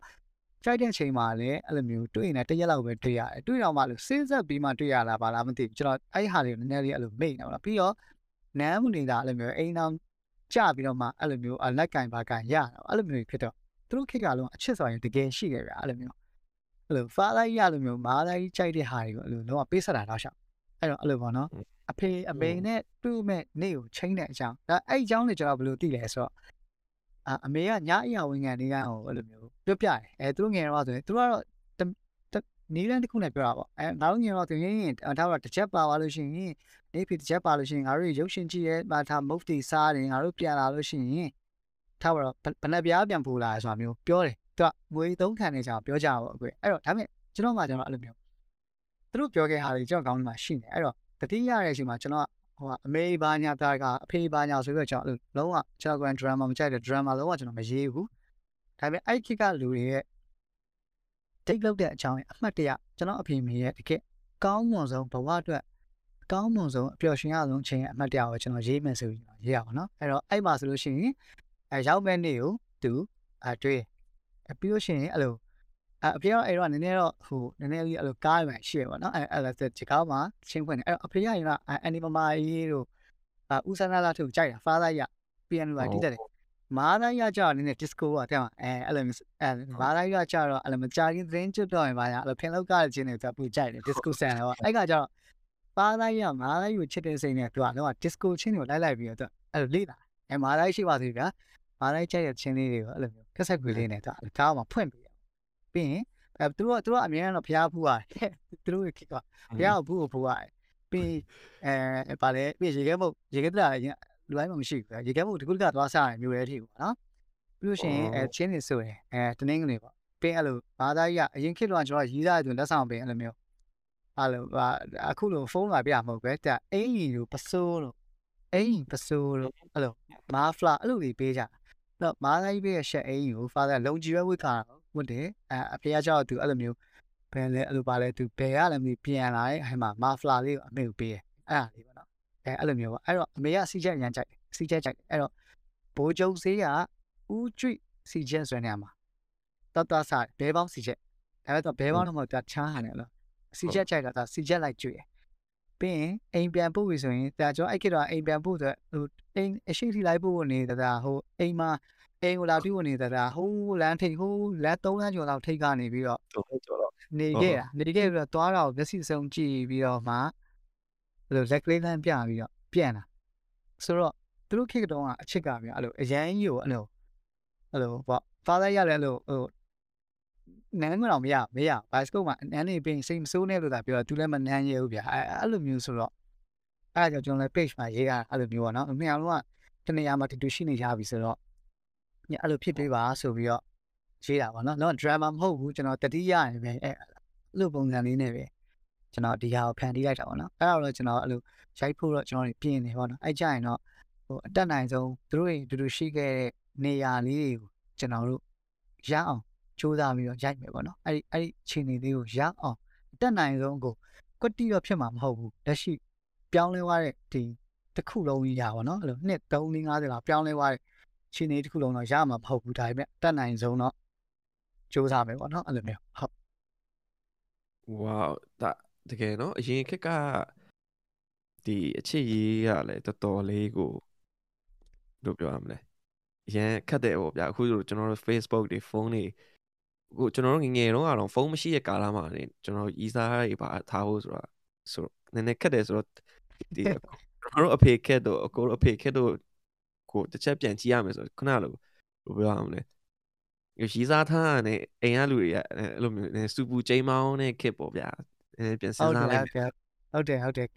အဲ့ကိတော့ဟာတာရှင်အကွယ်လုံးဝအဲ့ကိတော့လုံးဝဟိုဗာလေလက်ကင်လိုက်ရင်ဗိုက်ကြီးရယ်ဒီကကြ ညနေ6နိုင်ကျော်သွားလို့ဟုတ်တယ်ညနေ6နိုင်ကျော်မပြတ်ရတော့ဘူးဆိုရယ်ကွက်တွေပါအဲ့ဒါမှာအခုကမှ3လုံးရတဲ့ကွက်တွေအဲ့မှာဆို6နိုင်ကျော်လို့အဲ့လိုရှုပ်ရှိရဘာသာတင်ငယ်ချင်းထဲမှာရေးစားနဲ့တွေ့ရမဟုတ်ဘူးအောင်တွင်နဲ့အမညနေ6နိုင်ည9နိုင်ထိအပြင်ဟိုမှာနေလို့မိုးချုပ်သွားပြီဒါမှမဟုတ်ရက်ွက်တဲ့လူတွေကလှမ်းတွေ့သွားရင်တိုင်မှာကြောက်လို့ဆိုပြီးတော့အဲ့လိုခိုးရလိုက်ပြေးသွားတာပါဆိုတော့အဲ့ဒီတော့အကွက်ကြီးရကအရန်အဲ့လို လုံးဝအဲ့လိုဟိုအချစ်ဆိုတာတဲ့စိုးရိမ်မှုတွေကအရန်များတယ်ပြီးတော့အဲ့လို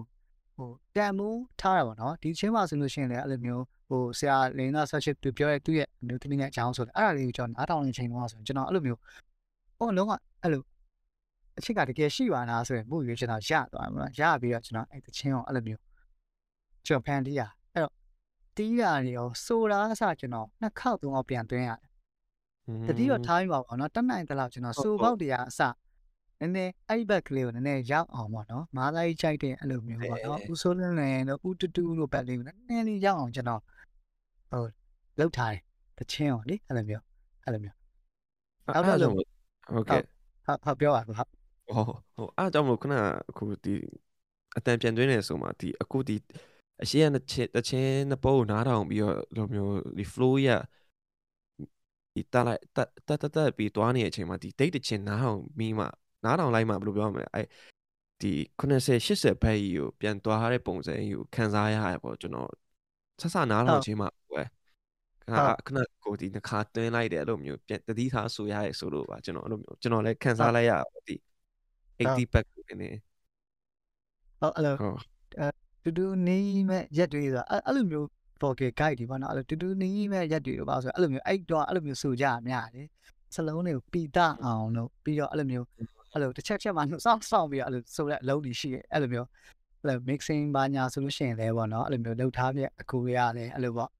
ဟိုဟာအဲ့လိုအဲ့နဲ့အဲ့လိုလှုပ်သေးပါကြောင့်ထိတဲ့ style မျိုးလုပ်ချင်တာသူ mixing အောင်လဲအဲ့လိုထိတဲ့ဖွဲ့တဲ့မှုဖြစ်အောင်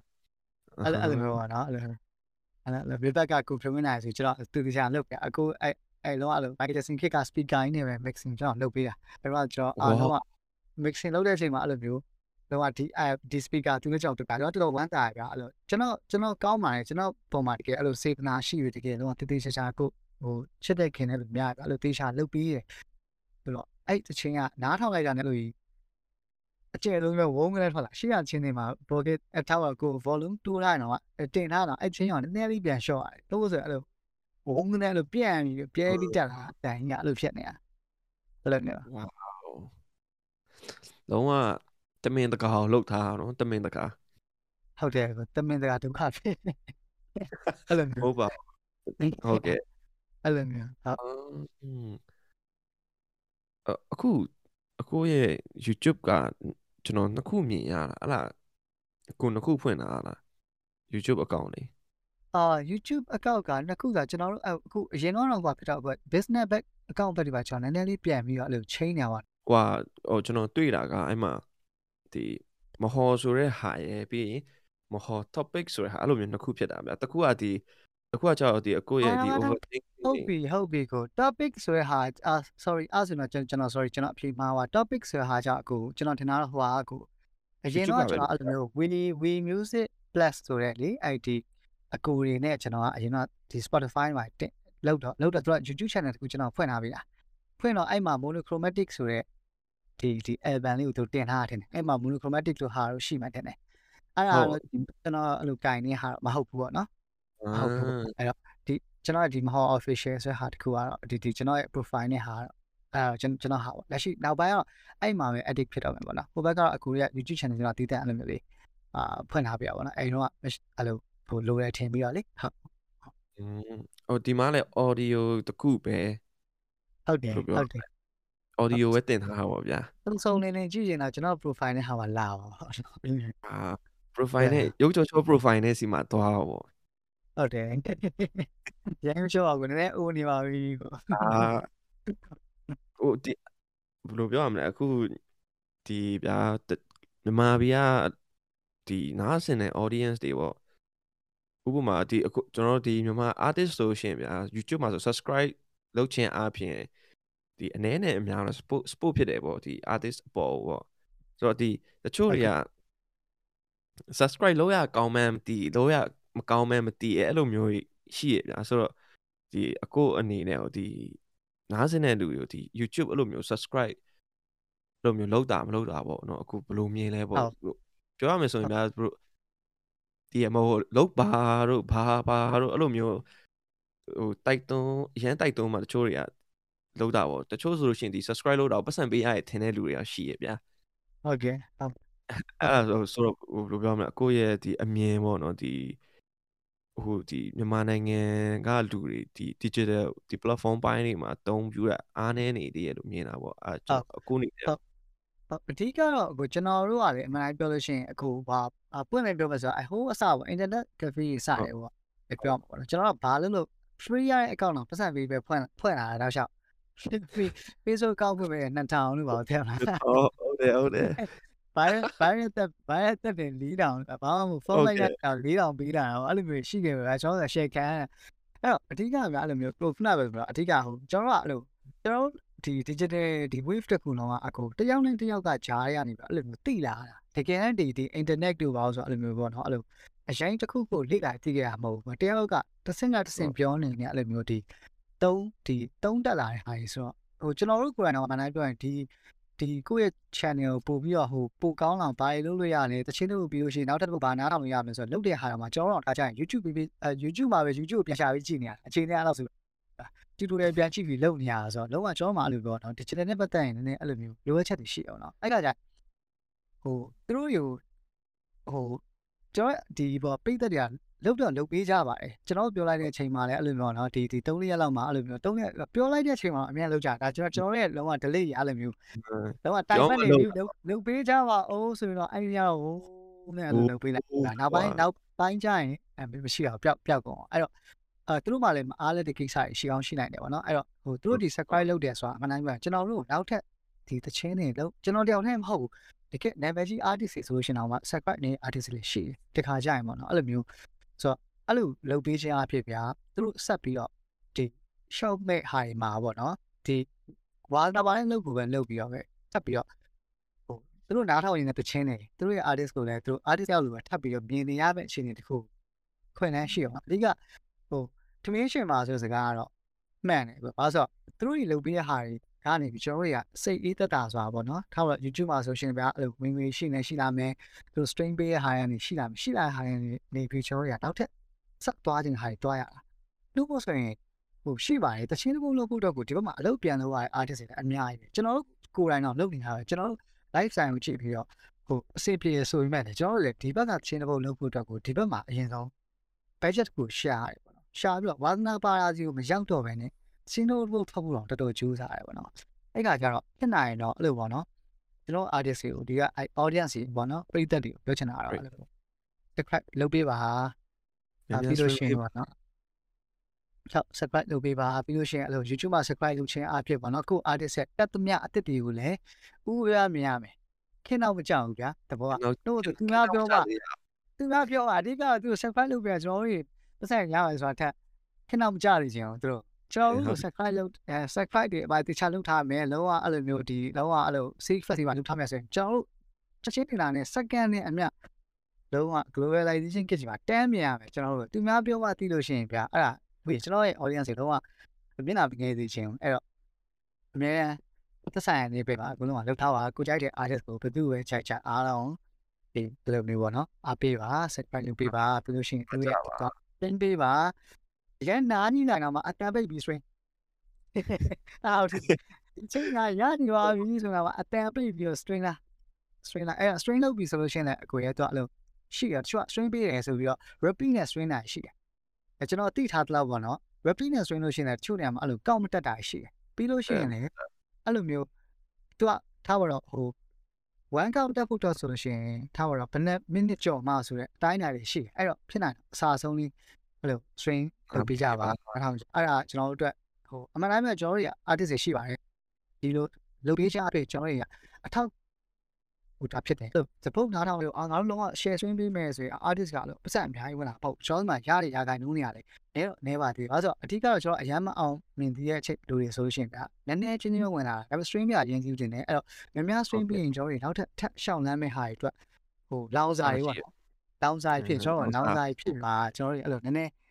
ဟိုဘယ်လိုပြောမလဲဆိုတော့ဟိုလေဟိုဟိုအားကုန်နေတဲ့ဒုံးညံနေလို့ဖြစ်မှာဆိုတော့ပြန်မလို့လို့ပြီးရင်ပြန်ကြလာလိုက်ဟိုခိလေးတိုင်းမှာတက်သလိုတက်ပြီးတက်ပြီးတပြီးပြန်ကြရဲကွက်ဖြစ်ဟဲ့မြောက်တော့အဲ့တော့အဲ့လိုဖြစ်အဲဆိုတော့ခင်အောင်မကြသေးခြင်းဘူးအဲ့တော့ support ပေးကြပါခင်လားတစ်ဖက်ကကြည့်တော့သူတို့ဘက်မှာတော့ခင်အောင်မကြသေးဘူးကျွန်တော်ဘက်မှာတော့ကျွန်တော်တို့လောင်စာတွေဖြစ်ပြီးပါကျွန်တော်ရှေ့ဆက်သွားဖို့အတွက်ကိုပါနော်အဲ့ဒါဖြစ်ပြီးပါဟုတ် ဟုတ်ဟုတ်ဟုတ်ဒီဘလို့ subscribe ဒီလိုမျိုးလုပ်ပြီးဝင်လာပတ်စံနဲရင်တောင်းပါဗျာဘလို့ဟိုဘယ်လိုပြောဟိုငါ့ကိုဒီလိုမျိုးကြီးလာပြီငါ့ကိုဒီလောက်အောင် subscribe ရလုပ်ပြီးအဲ့လိုမျိုး support လာပြီဆိုတော့ဟိုအားလေးခုနခုနအခုပြောလောင်စာလေးရှိတော့ရှေ့လုံးမဲ့တချင်းဆိုတော့ပို့ပြီးတော့လောင်စာပို့ပြင်းသွားဟိုအဓိကဟုတ်ဟုတ်တယ်အဓိကပြန်ကျွန်တော်တို့ကအဓိကပြန်အဲ့လို တတခါကျလို့ရှိရင် choice ရဲ့အဲ့လို page မှာ like တွေ follow တွေမလုပ်ထားဘူးဗျာအဲ့လိုသူတို့ရဲ့ reaction လေးတစ်လုံးပေးနေအောင်မှာကျွန်တော်တို့မှာဆက်နှုတ်ရှင်တဲ့အားဖြစ်တယ်ဟိုကဒီချင်းတစ်ပုတ်ကိုဗျာအဲ့လိုထားပါတော့အရင်တော့ပုံမှန်ချင်းတစ်ပုတ်ကတော့100လောက်ပဲ reaction လေးရထားပါတော့နောက်တစ်ပုတ်မှာ150လောက်ရလာပြီဆိုတော့မှဟိုအောင်မြင်နေတာကိုခဏလေးဖယ်ထားတာပါငါ့ကိုသူတို့တွေနားလေပြီးကြတယ်လက်ခံပြီးကြတယ်ဆိုရင်စိတ်တစ်ခုနဲ့အောင်ကျွန်တော်တော်တော်ဟိုဟာဖြစ်ပြီအဲ့လိုမျိုးပေါ့နော်ဒီ officially တွေကနေပြီးတော့တကယ် support ပေးမယ်ဆိုရင်ကျွန်တော်တို့တွေကလုံးဝအဲ့လို မလုံးဝအဲ့လိုဟိုအလုံးအကျူးပြတင်ပြောရပြအဲ့လိုလုံးနေရတန်မိုးရှိငါဒါကြီးလုံးနေဟိုဖြစ်တယ်ပေါ့နော်အဲ့လိုမျိုးဝင်းငွေကျွန်တော်ဆိုနဲပင်မဲ့ပေါ့နော်ဒါဟိုနားထောင်နေကျွန်တော် fan တွေပါဆိုရင်ပြပြချင်တာပါလို့ဆိုတော့အာကျွန်တော်ကအဲ့လိုဝင်နေမဆန်တော်တော်များများကိုတချို့နေရာမှာတချင်းတော့ကိုပြန်တုံးရင်တုံးတယ်မတုံးမရှိရင်လည်းတချို့အစိပ်ပိုင်းတွေကိုကျွန်တော်အလှလုံးလို့ရှိရင်ထက်ထည့်ပေးလိုက်တယ်ဥပမာ trick တွေပါပေါ့နော်ကျွန်တော်ကျွန်တော်အဲ့လိုမျိုး post တွေမတင်ခြင်းဘူးအလှပါဆိုအဲ့လို post မတင်ခြင်းကတစ်ဖက်ကအလှခံပုဂ္ဂိုလ်အတွက်ဗျာ ကျွန်တော်အဲ့လိုမကြိုက်ဘူးကျွန်တော်ကလည်းမကြိုက်ဘူးဗျာအဲ့လိုမျိုးဆိုတော့ထားတော့အဲ့လိုပတ်စံဝင်လာရဲ့ဗျာအဲ့လိုမျိုးထားတော့နောက်လိုဝင်တဲ့အမောက်နဲ့ဝင်တဲ့အမောက်ရဲ့မျှချေမျှချေအတိုင်းထားတော့ကျွန်တော်တတောင်းဝင်ကျွန်တော်ဒီမှာတတောင်း plus ကျွန်တော်စုပြီးတော့ငါတို့အကုန်စုလုပ်တာဘောက်ချာကြီးအားလုံးကကျွန်တော်တိမ့်တယ်ဒါပေမဲ့ကျွန်တော်မတင်ဘူးဘာလို့လဲဆိုတော့ဟိုကျွန်တော်အဓိကဘယ်တွေကိုလှူတာများလဲဆိုတော့အဲ့လိုမျိုး treat treat ပေါ့အဲ့လိုမျိုးဒီဒီ treat ခွေးကေဟာတို့ပါအဲ့လိုမျိုးလေးတော့ကျွန်တော်ပို့ပြီးတော့လှူတယ် အဲ့ခွေးကေဟာပါပဲအဓိကခွေးကေဟာလှူတယ်ပြီးလို့ရှိရင်ကျွန်တော်ဒီအဲ့လိုလမ်းထိပ်တွေပါအဲ့လိုစိုက်ကားနဲ့ဦးလေးတွေတို့တခါကျတော့လမ်းမှာသွားနေတဲ့တွေ့အဲ့လိုအဖိုးဖွားရွယ်တွေတို့ပေါ့နော်အဲ့လိုမျိုးတွေတွေ့လို့ရှိရင်ကျွန်တော်အဲ့လိုမျိုးတခါကျရင်လည်းအဲ့လိုမျိုးအားအားပေးလိုက်တယ်ပေါ့သူတို့ရောင်းတဲ့ဟာတစ်ခုကိုအားပေးလိုက်တယ်ပေါ့နော်အဲအဲ့လိုမျိုးလေးတော့ကျွန်တော်ကျွန်တော်လုပ်ပေးဖြစ်တယ်လက်ကုတွေ့ရမယ့်ဟာလေးပေါ့နော်အဲ့လိုမျိုးဟုတ်ဒါနားနားစင်တဲ့သူတွေရဲ့အခုတချင်းကိုဟိုအခုတချင်းကိုနားစင်တဲ့ပရိသတ်တွေအတွက်ဒါတည်င်းကောင်းတပိုးတွေကိုဒီ podcast ကနေလမ်းပြောလိုက်တာ哦 ဟုတ်တယ်လူကြမယ်ဗောလူကြမယ်လူကြမယ်များများ stream ပေးကြပါကျွန်တော်ဒါပေမဲ့ကျွန်တော်အဲ့လိုမျိုးခွေးတော့တေကြောက်တယ်ဗျအဲ့လိုမျိုးကျွန်တော်ခွေးတိုက်ခံတာတေကြောက်တယ်လည်းမချစ်ဘူးဒီမှာခွေးလေးနဲ့ကောင်ရှိတယ်ဒါပေမဲ့ကျွန်တော်အဲ့လိုအဝေးရပဲချစ်တယ်အဲ့လိုသူတို့သူတို့ထားအဲ့လိုရေမိုးချောချောလိုက်ဖို့ပြီးစပါတာလိုက်ဖို့ပြီးအေးဝယ်ပြီးအစားတောက်ကျွေးဒါပေမဲ့ကျွန်တော်တော့လုံးဝအဲ့လိုအဲ့လိုမလာနဲ့အဲ့လိုမျိုးတော့ခွေးချစ်တဲ့ထင်မှာကျွန်တော်အဲ့လိုအဲ့လိုမရအဲ့လိုကျွန်တော်အဲ့လိုအရိုက်အဲ့လိုမျိုးအနာကဲ့မကြိုက်အဲ့လိုမျိုး ကကလေးကအရိုက်ပူလာပြီးကျွန်တော်အဲ့လိုအဲ့လိုမကြိုက်ဘူးအဲ့လိုအရိုက်အဲ့လိုပူလာမခံနိုင်ဘူးအဲ့လိုအဲ့လိုအဲ့လိုရှင်ဘက်ပူလာမခံနိုင်ဘူးဟိုအကိုနည်းနည်းကျွန်တော်ဟိုဟာလေးမေးကြည့်ချင်တော့အကယ်အကိုကိုလေအဲ့လိုမျိုးဟိုမြန်မာနိုင်ငံအဲ့လိုမီဒီယာရှိရဗျာအဲ့လိုမိုက်ထိုးမီးမီဒီယာဟိုဘာဆယ်လီညာဆယ်လီပေါ့အဲ့လိုမျိုးမင်းအခုဖြေဖို့အစီအစဉ်ရှိတာသူတို့မင်း အခုကျွန်တော်လက်ရှိပုံမှန်လည်းလည်းပြောမှာပါဒါကျွန်တော်ဒီ pre listening party ကလည်းအဲ့လိုရောက်လာတဲ့အမကလည်းအဲ့လိုမီဒီယာတစ်ခုကဒီ MC ကိုကျွန်တော်ခါရပါတော့သူကတော့မှအဲ့လိုမခေါ်ဘူးလားပြောရှင်မှာကျွန်တော်လက်ရှိမှာကျွန်တော်ဘာမှမပြောချင်ဘူးဘာလို့လဲဆိုတော့နောက်ပိုင်းတော့ကျွန်တော်မပြောတတ်ဘူးလက်ရှိအခြေအနေမှာကျွန်တော်ဘာလို့မပြောချင်တာလဲဆိုတော့ဟိုကိုဥမာကွယ်မြန်မာနိုင်ငံမှာကျွန်တော်တို့ကဟိုဒါကတော့ဟိုလုပ်ငန်းသဘောတဘာဝရအောင်တည်ရအောင်ရှယ်ချပိတ်လုပ်ပြီးတော့လုပ်တဲ့ interview လည်းရှိတယ်ပိတ်မဟုတ်ဘဲနဲ့တကယ်သူ့ရဲ့အောင်မြင်ကြကြမှုလာလို့ရှိတယ်ကျွန်တော်လက်ရှိ အခြေအနေရဆိုရင်ကျွန်တော်ပိတ်လို့မှပဲရဒါတော့ကျွန်တော်ပွင့်လင်ဝင်ခံလို့ရတယ်ဒါပေမဲ့အဲ့လိုလူတွေနဲ့ view လာတဲ့ video တစ်ခုတက်လာရင်အခုကျွန်တော်သိရဲ့ comment တစ်ခုရှိတယ်။ तू ကဘာလုပ်တာလဲဆိုရင် comment ပြ။အဲ့ဒါယူကျွန်တော်တော့မခံနိုင်ဘူး။အဲ့တော့ level နေရာတစ်ခုနေရာတစ်ခုကိုကျွန်တော်ရောက်လာပြီကျွန်တော်တချင်းဆိုရင်ဆိုတော့ကျွန်တော်ဘယ်သူမှစာမင်းမဆက်ဘူး။ Okay okay မင်းမဆက်ပဲနဲ့ကိုဟောဘက်လာကျွန်တော်တော်တော်များများနေပြ creative ဘိုင်းကပဲသိကြတာပေါ့နော်။ချင်းလို့တော့မှ အခုချင်းတွေကောင်းတယ်တော့လို့ပြောတော့မှအော်ဟုတ်အဲ့ကျရင်အားပေးပါအောင်ပြားလို့ပြောတယ်ကျွန်တော်ကိုယ်တိုင်ကစပြီးတော့ mix ဆက်ရတဲ့သူကျွန်တော်မဖြစ်ချင်ဘူးဘာလို့လဲဆိုတော့ artist တော်တော်များများကဗျာအဲ့လိုကျွန်တော်တို့ချင်းဆိုတဲ့အကိုစားဗျာသူကအဓိကဗျာကျွန်တော်ပြောချင်တဲ့စားဗျာအဲ့လိုဟိုကျွန်တော်တို့ရဗျာလူအသိမှတ်ပြုတ်လိုက်ရမ်းပြောတက်တဲ့လူတွေမှာပါတယ်ကျွန်တော်ချင်းလေးတစ်ပုတ်နားထောင်လာပြီချင်းလေးကောင်းလို့ရမ်းပြောဒါပေမဲ့အဲ့လိုမျိုးမိတ်ဆက်ခံရတဲ့အခြေအနေကိုကျွန်တော်အဲ့လိုမျိုးဟိုဟိုအချိုက်ဘူးအဲ့တော့ interview တက်လာရင် तू ကဘာလုပ်တာလဲ သိရမလား तू က तू ဘာဘာလဲဆိုတော့အဲ့လိုမျိုးဟာကိုကျွန်တော်ကျွန်တော်မကြိုက်ဘူးဟိုဘာလို့ဟိုမကြိုက်ဘူးဆိုတာသူတို့ပြောတာမကြိုက်တာမဟုတ်ဗျာကျွန်တော်ဘာမှမဟုတ်သေးတဲ့ဟာကြီးကိုကျွန်တော်လူပညာရှင်သစာတိုင်းတက်လိုက်တာအဆိုရှင်တို့တက်လိုက်တဲ့ဟာကြီးကတခြားလူတွေငောင်းလည်းမမသိပါဘူးငောင်းလည်းမမသိဘူးဆိုတဲ့ဟာမျိုးပေါ့နော်အဲ့ဒါမျိုးကျွန်တော်ဟောဟိုမလို့ခြင်းဘူးပေါ့နော်အဲ့လိုခိုက်တက်လေဟုတ်ဟုတ်ဒါတစ်ချက်ပေါ့နော်ဟိုအခုအခုအနေနဲ့လေ အကဲဒီနားစင်တဲ့ဒီ audience တွေကိုဟိုများဝအဲ့လိုမျိုးဒီ market ဘက်ပေါ့အဲ့လိုမျိုးတွေဟိုဘယ်လိုချက်မလဲဆိုတာရှိလားချက်ဟိုဟိုပြောလို့ကိုပြောလို့လူတီးအောင်ဘယ်လိုမျိုးလူကြိုက်များအောင်လှုပ်ချင်လှုပ်လို့ရရဆိုပေမဲ့ဘယ်လိုအခုလို quality လိုမျိုးနဲ့ဘယ်လိုဘယ်လိုမျိုးချက်သွားမလဲဟုတ်ကဲ့ အာလက်ရှိပြောမယ်ဆိုကိုကျွန်တော်ပတ်နေပြောမယ်ဆိုရင်အကွေအဲ့လိုဟိုကျွန်တော်ကျွန်တော် marketing site ဘက်ကလူဆိုတော့အကွေရ marketing strategy ချို့တိဟိုမှာတည့်ရဆိုဘုံဖြစ်နိုင်တဲ့အာထားရအဲ့လိုမျိုးလုံးပိတ်နူးလို့ရတဲ့ချိန်နေကျွန်တော်သိတယ်အကွေအဲ့လိုမျိုးအများကြီး group site တာတက်လိုက်တာလူတွေဝုန်းနေတာအခုယနေ့အချိန်ထိကိုကျွန်တော်ဒီဟိုဒီ monochromatic site မထွက်ခင် page လေးထောင်ပြီး cover sound လေးဆိုရတယ်အခုထိကိုကျွန်တော် boosting budget 1ဒေါ်လာအောင်ကျွန်တော်မသုံးဘူးသေးဘူးဘာလို့မသုံးတာလဲဆိုတော့ ဟိုကျွန်တော်ရောက်ချင်တဲ့ audience တွေကိုကျွန်တော်ရောက်စေချင်တာဗျအဲ့လို boosting လုပ်လိုက်မှဆိုရင်ကျွန်တော်တို့တက်မှာဟို boosting မှာ targeting ကဗျအစုံဝင်လာမှာအစုံဝင်လာလို့ရှိရင်တက်မှာဘယ်လိုပြောမလဲအဲ့အစုံကဗျအဲ့လိုမျိုးဟိုကြိုက်နားထောင်ရနားထောင်ရဘယ်ကလူပေါင်းဝင်လာမှာမဟုတ်ဘဲနဲ့ကျွန်တော်တကယ်ကြိုက်လို့လက်ခံပြီးတော့ရောက်လာတဲ့သူတွေကိုပဲကျွန်တော်ကအာကျွန်တော်အဲ့ Mahal House လို့ရတယ်အိမ်ကျွန်တော် page အိမ်တစ်ခုကတူတူတူနေချင်တာအခုချိန်ကျွန်တော်ကသူတို့အဲ့လိုမျိုး အခုလက်ရှိပြောတော့တာအခုလည်းပြောတာပရိသတ်တို့ fan ဆိုတုံးနေမယ်ကျွန်တော်အားလုံး overthinker လို့ပဲကျွန်တော်တုံးတာပေါ့နော်အခုလည်းဟိုတတိထားမှာဒါဆိုကျွန်တော်လည်းသူကတန်းလို့ပဲဗျာတန်းလို့ပဲဒီအိမ်တုံးထဲမှာတချင်းဆိုတတ်တဲ့ကျွန်တော်ရှိတယ်ကျွန်တော်အားလုံးကကျွန်တော်ရဲ့တငယ်ချင်းတွေပဲ overthinker လောက်အတွေးလွန်နဲ့အုပ်စုကြီးတစုဖြစ်နေတဲ့ style နဲ့ပဲတွားချင်တာပေါ့နော်အဲ့တော့အခုပြောသလိုလူတွေပိုများလာအောင်ဘာလုပ်မလဲဆိုတော့ကျွန်တော်လူတွေပိုများလာအောင်လုပ်ဖို့ကတော့နီလန်တစ်ခုပဲရှိတယ်အဲ့ဒါမှလည်းဆိုတော့ကျွန်တော်တချင်းတွေများများလုပ်အဲ့တော့ တချင်းဆိုတာဘယ်ဟာနဲ့အောင်မြင်လဲဆိုတော့ဘယ်သူမှမသိကြဘူးဗျာဘယ်ဟာ commercial commercial sound လို့တော့တွေးပြီးတော့လုပ်ကြတာမဟုတ်တဲ့ commercial ဆန်ဆန်တော့လုပ်ကြမယ်ဒါပေမဲ့ပိုပေါက်လိုက် commercial ဖြစ်သွားတာဆိုတော့တိုက်တွေတက်ခံရတာဟုတ်ဒီမှာကလေအဲ့လိုဆိုတော့ကျွန်တော်ချင်းတိုင်းလုပ်မယ်ဘယ်ပုံနဲ့ပေါက်မလဲတော့အတိ overthinking လို့ဆိုအဲ့လိုပေါ့နော်ကျွန်တော်ပြော brother shit overthinking ကအုံးနဲ့ပေါက်သွားမဲ့ချင်းလို့သူတို့တွေဆိုတွေးမိတယ်ဒါပေမဲ့ဘာလို့မပေါက်လာလဲဆိုတော့ music မှာအကွယ်ဟိုရှိရပေါ့ကျွန်တော် music ကိုကြိုက်တဲ့ဒီ audience က ဒီတက်တက် group ကိုရှိရပေါ့အဲ့ group ကလူတွေပဲကြိုက်သွားတာပေါ့နော်အဲ့လိုအားလုံးရင်ထဲကိုရောက်သွားရဲ့လို့ဟိုနိုင်ငံတော်ချင်းမဖြစ်သွားဘူးကွယ်လူတိုင်းပါစက်မှာပြုလို့ရတာမဖြစ်သွားဘူးအဲ့တော့အဲ့လိုဖြစ်ဖို့စားကျွန်တော်ကိုယ်တိုင်လည်းအကိုမတွေးတတ်ဘူးကျွန်တော်ချင်းတွေလုံးနေမယ်အဲ့ဘယ်ချင်းကအဲ့လိုမျိုးကြီးဟိုပေါ့နော်လူရန်သားပေါင်းတို့ဒီလုံးဝကြိုက်သွားမယ်တချင်းစွာမျိုးကျွန်တော်ဟိုမတွေးတာအဲ့လိုတွေးပြီးလုံးလို့ရှိရင်လည်းကျွန်တော်လုံးလုံးလို့ရမှာမဟုတ်ဘူးဒါဆိုကျွန်တော်အဲ့လိုပေးရုံတက်တက်ပဲ ကျွန်တော်ဒီချင်းလောက်ထားရင်ကျွန်တော်လည်းတော့ရင်ဘတ်တွေလူတွေခဏလေးလာစုကြခဏလေးသူတို့ဒီချင်းနဲ့တူတူသူတို့မှရှိရင်စိတ်တန်ရာဖြစ်ပျော်ရွှင်စရာဖြစ်ဖြစ်ဟိုဟိုအတ္တအမအာနာအကုန်ဒါနဲ့တူတူကြာပါလိမ့်ရှင်ကျွန်တော်ကျင်တတ်တယ်အဲ့တော့လူစုဖို့ဆိုတာကတော့အချင်းကျွန်တော်အများကြီးလုပ်မယ်ဒီချင်းနဲ့တူတူချိတ်ဆက်မယ်ဒါပေမဲ့နောက်ပိုင်းကျတော့လူလုံးထွက်ပြဖို့တော့ကိစ္စရလုပ်နေပါတော့အဲ့လို ဟိုပြီးတော့ဟို data DI တွက်ပြပါတော့အဲ့လိုမျိုးပွဲပါအဲ့လိုမျိုးရှိရှိတယ်ပါတော့အဲ့လိုခေါ်ပြီးဆိုကျွန်တော်ခုနောက်ပိုင်းတော့မဆိုသေးဘူးကိုမဆိုသေးဘူးပါတော့အဲ့လိုမျိုး music ကိုတည်တည်ချာနားထောင်မဲ့ပွဲမျိုးပါတော့ music only ပဲလုပ်မယ် show လို့ကျွန်တော်ဆိုမယ်တခြားအဲ့လိုမျိုးဟိုနဲ့တွဲရတဲ့ဟာတွေကျွန်တော်ကျွန်တော်မဆိုသေးဘူးပါတော့ဘာလို့လဲဆိုတော့တချင်းကိုတည်တည်ချာနားထောင်တဲ့အခြေအနေတစ်ခုမှကျွန်တော်ဆိုမယ်အဲ့တော့ဘာလဲဆိုတော့ကျွန်တော်ကျွန်တော် season နဲ့ private party မျိုးနဲ့ကျွန်တော်လည်းတကယ် overthinker ကြီးစုတယ်အခု pre listening party နောက်ဆုံးဖြစ်ခဲ့သလိုမျိုးဟာဖြစ်ရင်ဖြစ်မယ် ဒါမှမဟုတ်လုံးဝအဲ့လိုမျိုးကျွန်တော်အဲ့လိုချိတ်ဆက်တဲ့အဲ့လို artist တွေနဲ့စုပြီးတော့လုပ်တဲ့အဲ့လိုမျိုး music ပွဲလိုမျိုးပေါ့နော်အဲ့လိုမျိုးလုပ်ဒါပေမဲ့လက်ရှိချိန်တွေမှာတော့ကျွန်တော်အရင်ကျွန်တော်မလုပ်ရှင်သေးဘူးအဲ့ကျွန်တော်တချင်းတွေလည်းနည်းသေးတယ်တခါလာလဲ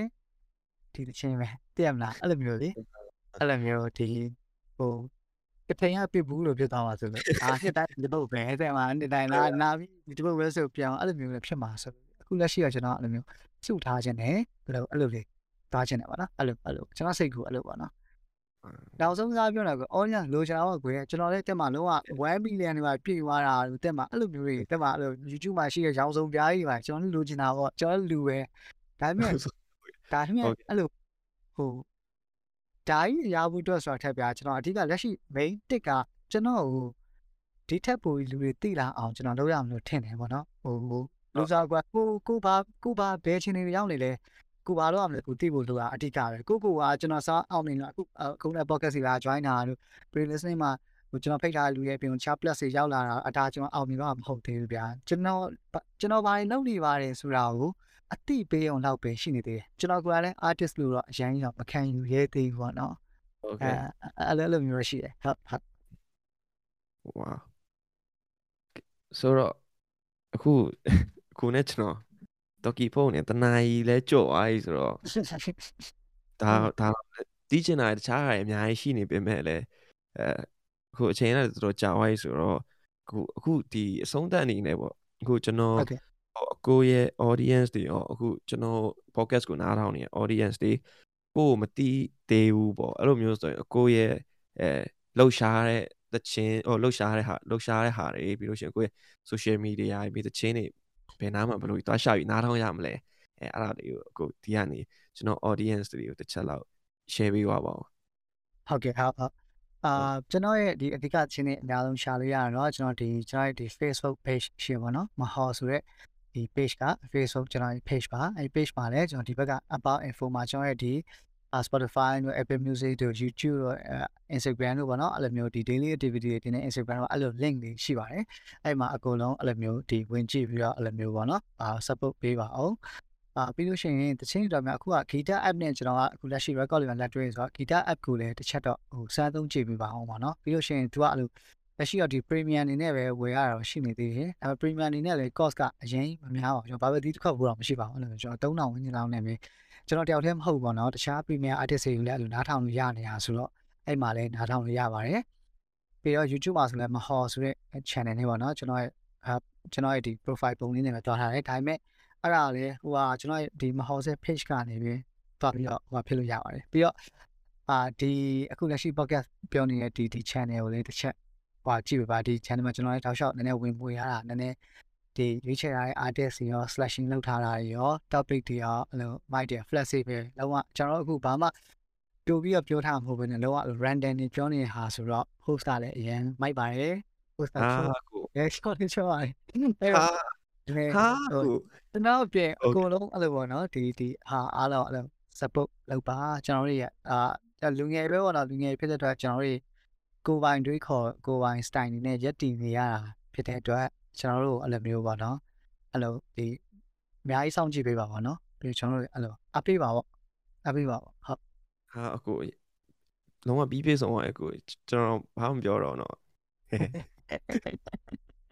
โอเคအခုကျွန်တော်ရဲ့နားဆင်သူတွေအနေနဲ့လည်းအခုဒီဂီတဆိုရဲ application ဒီ music streaming ကိုစမ်းသုံးခါကြည့်ကြည့်စေချင်တယ်ပေါ့ကျွန်တော်လည်းဘာလို့ premiere ခုနပြောသလိုဟို ရှင်းပြောကျွန်တော်တို့ဘယ်လောက်မှမရှိဘူးဗျာတော့ထောင်ဝန်းကျင်လောက်ပဲရှိအဲ့ဟိုမှာကျွန်တော်တို့ local artist တော်တော်များများရဲ့တခြင်းကိုလည်းတင်ထားရဆိုတော့ကျွန်တော်တို့ local ကို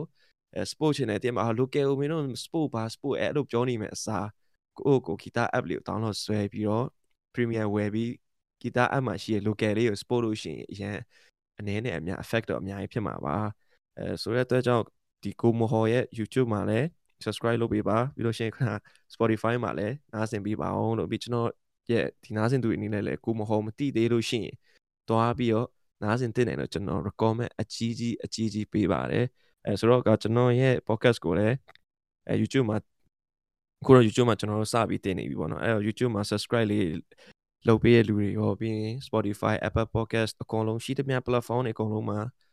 following like ပေးရလူအားလုံးတယောက်ချင်းစုအထူးပဲကျေးဇူးတင်ပါတယ်ပြီးတော့အခုလိုကျွန်တော်နဲ့သူဒီ Usus podcast မှာအတူလာရောက်အချိန်အကုန်ဆုံးပြီးရခုမဟုတ်လေအထူးအထူးကျေးဇူးတင်ပါတယ်ခင်ဗျာဟုတ်ကဲ့ဟုတ်ဟုတ်ကဲ့အဲဆိုနောက်ထပ် podcast မှာလည်းဘယ်လို guest တွေနဲ့ပြန်လာအောင်လဲဆိုတာဆက်လက်စောင့်မျှော်အားပေးကြည့်ရှုတော့ပါအောင်လို့ပြောချင်ပါတယ်ခင်ဗျာ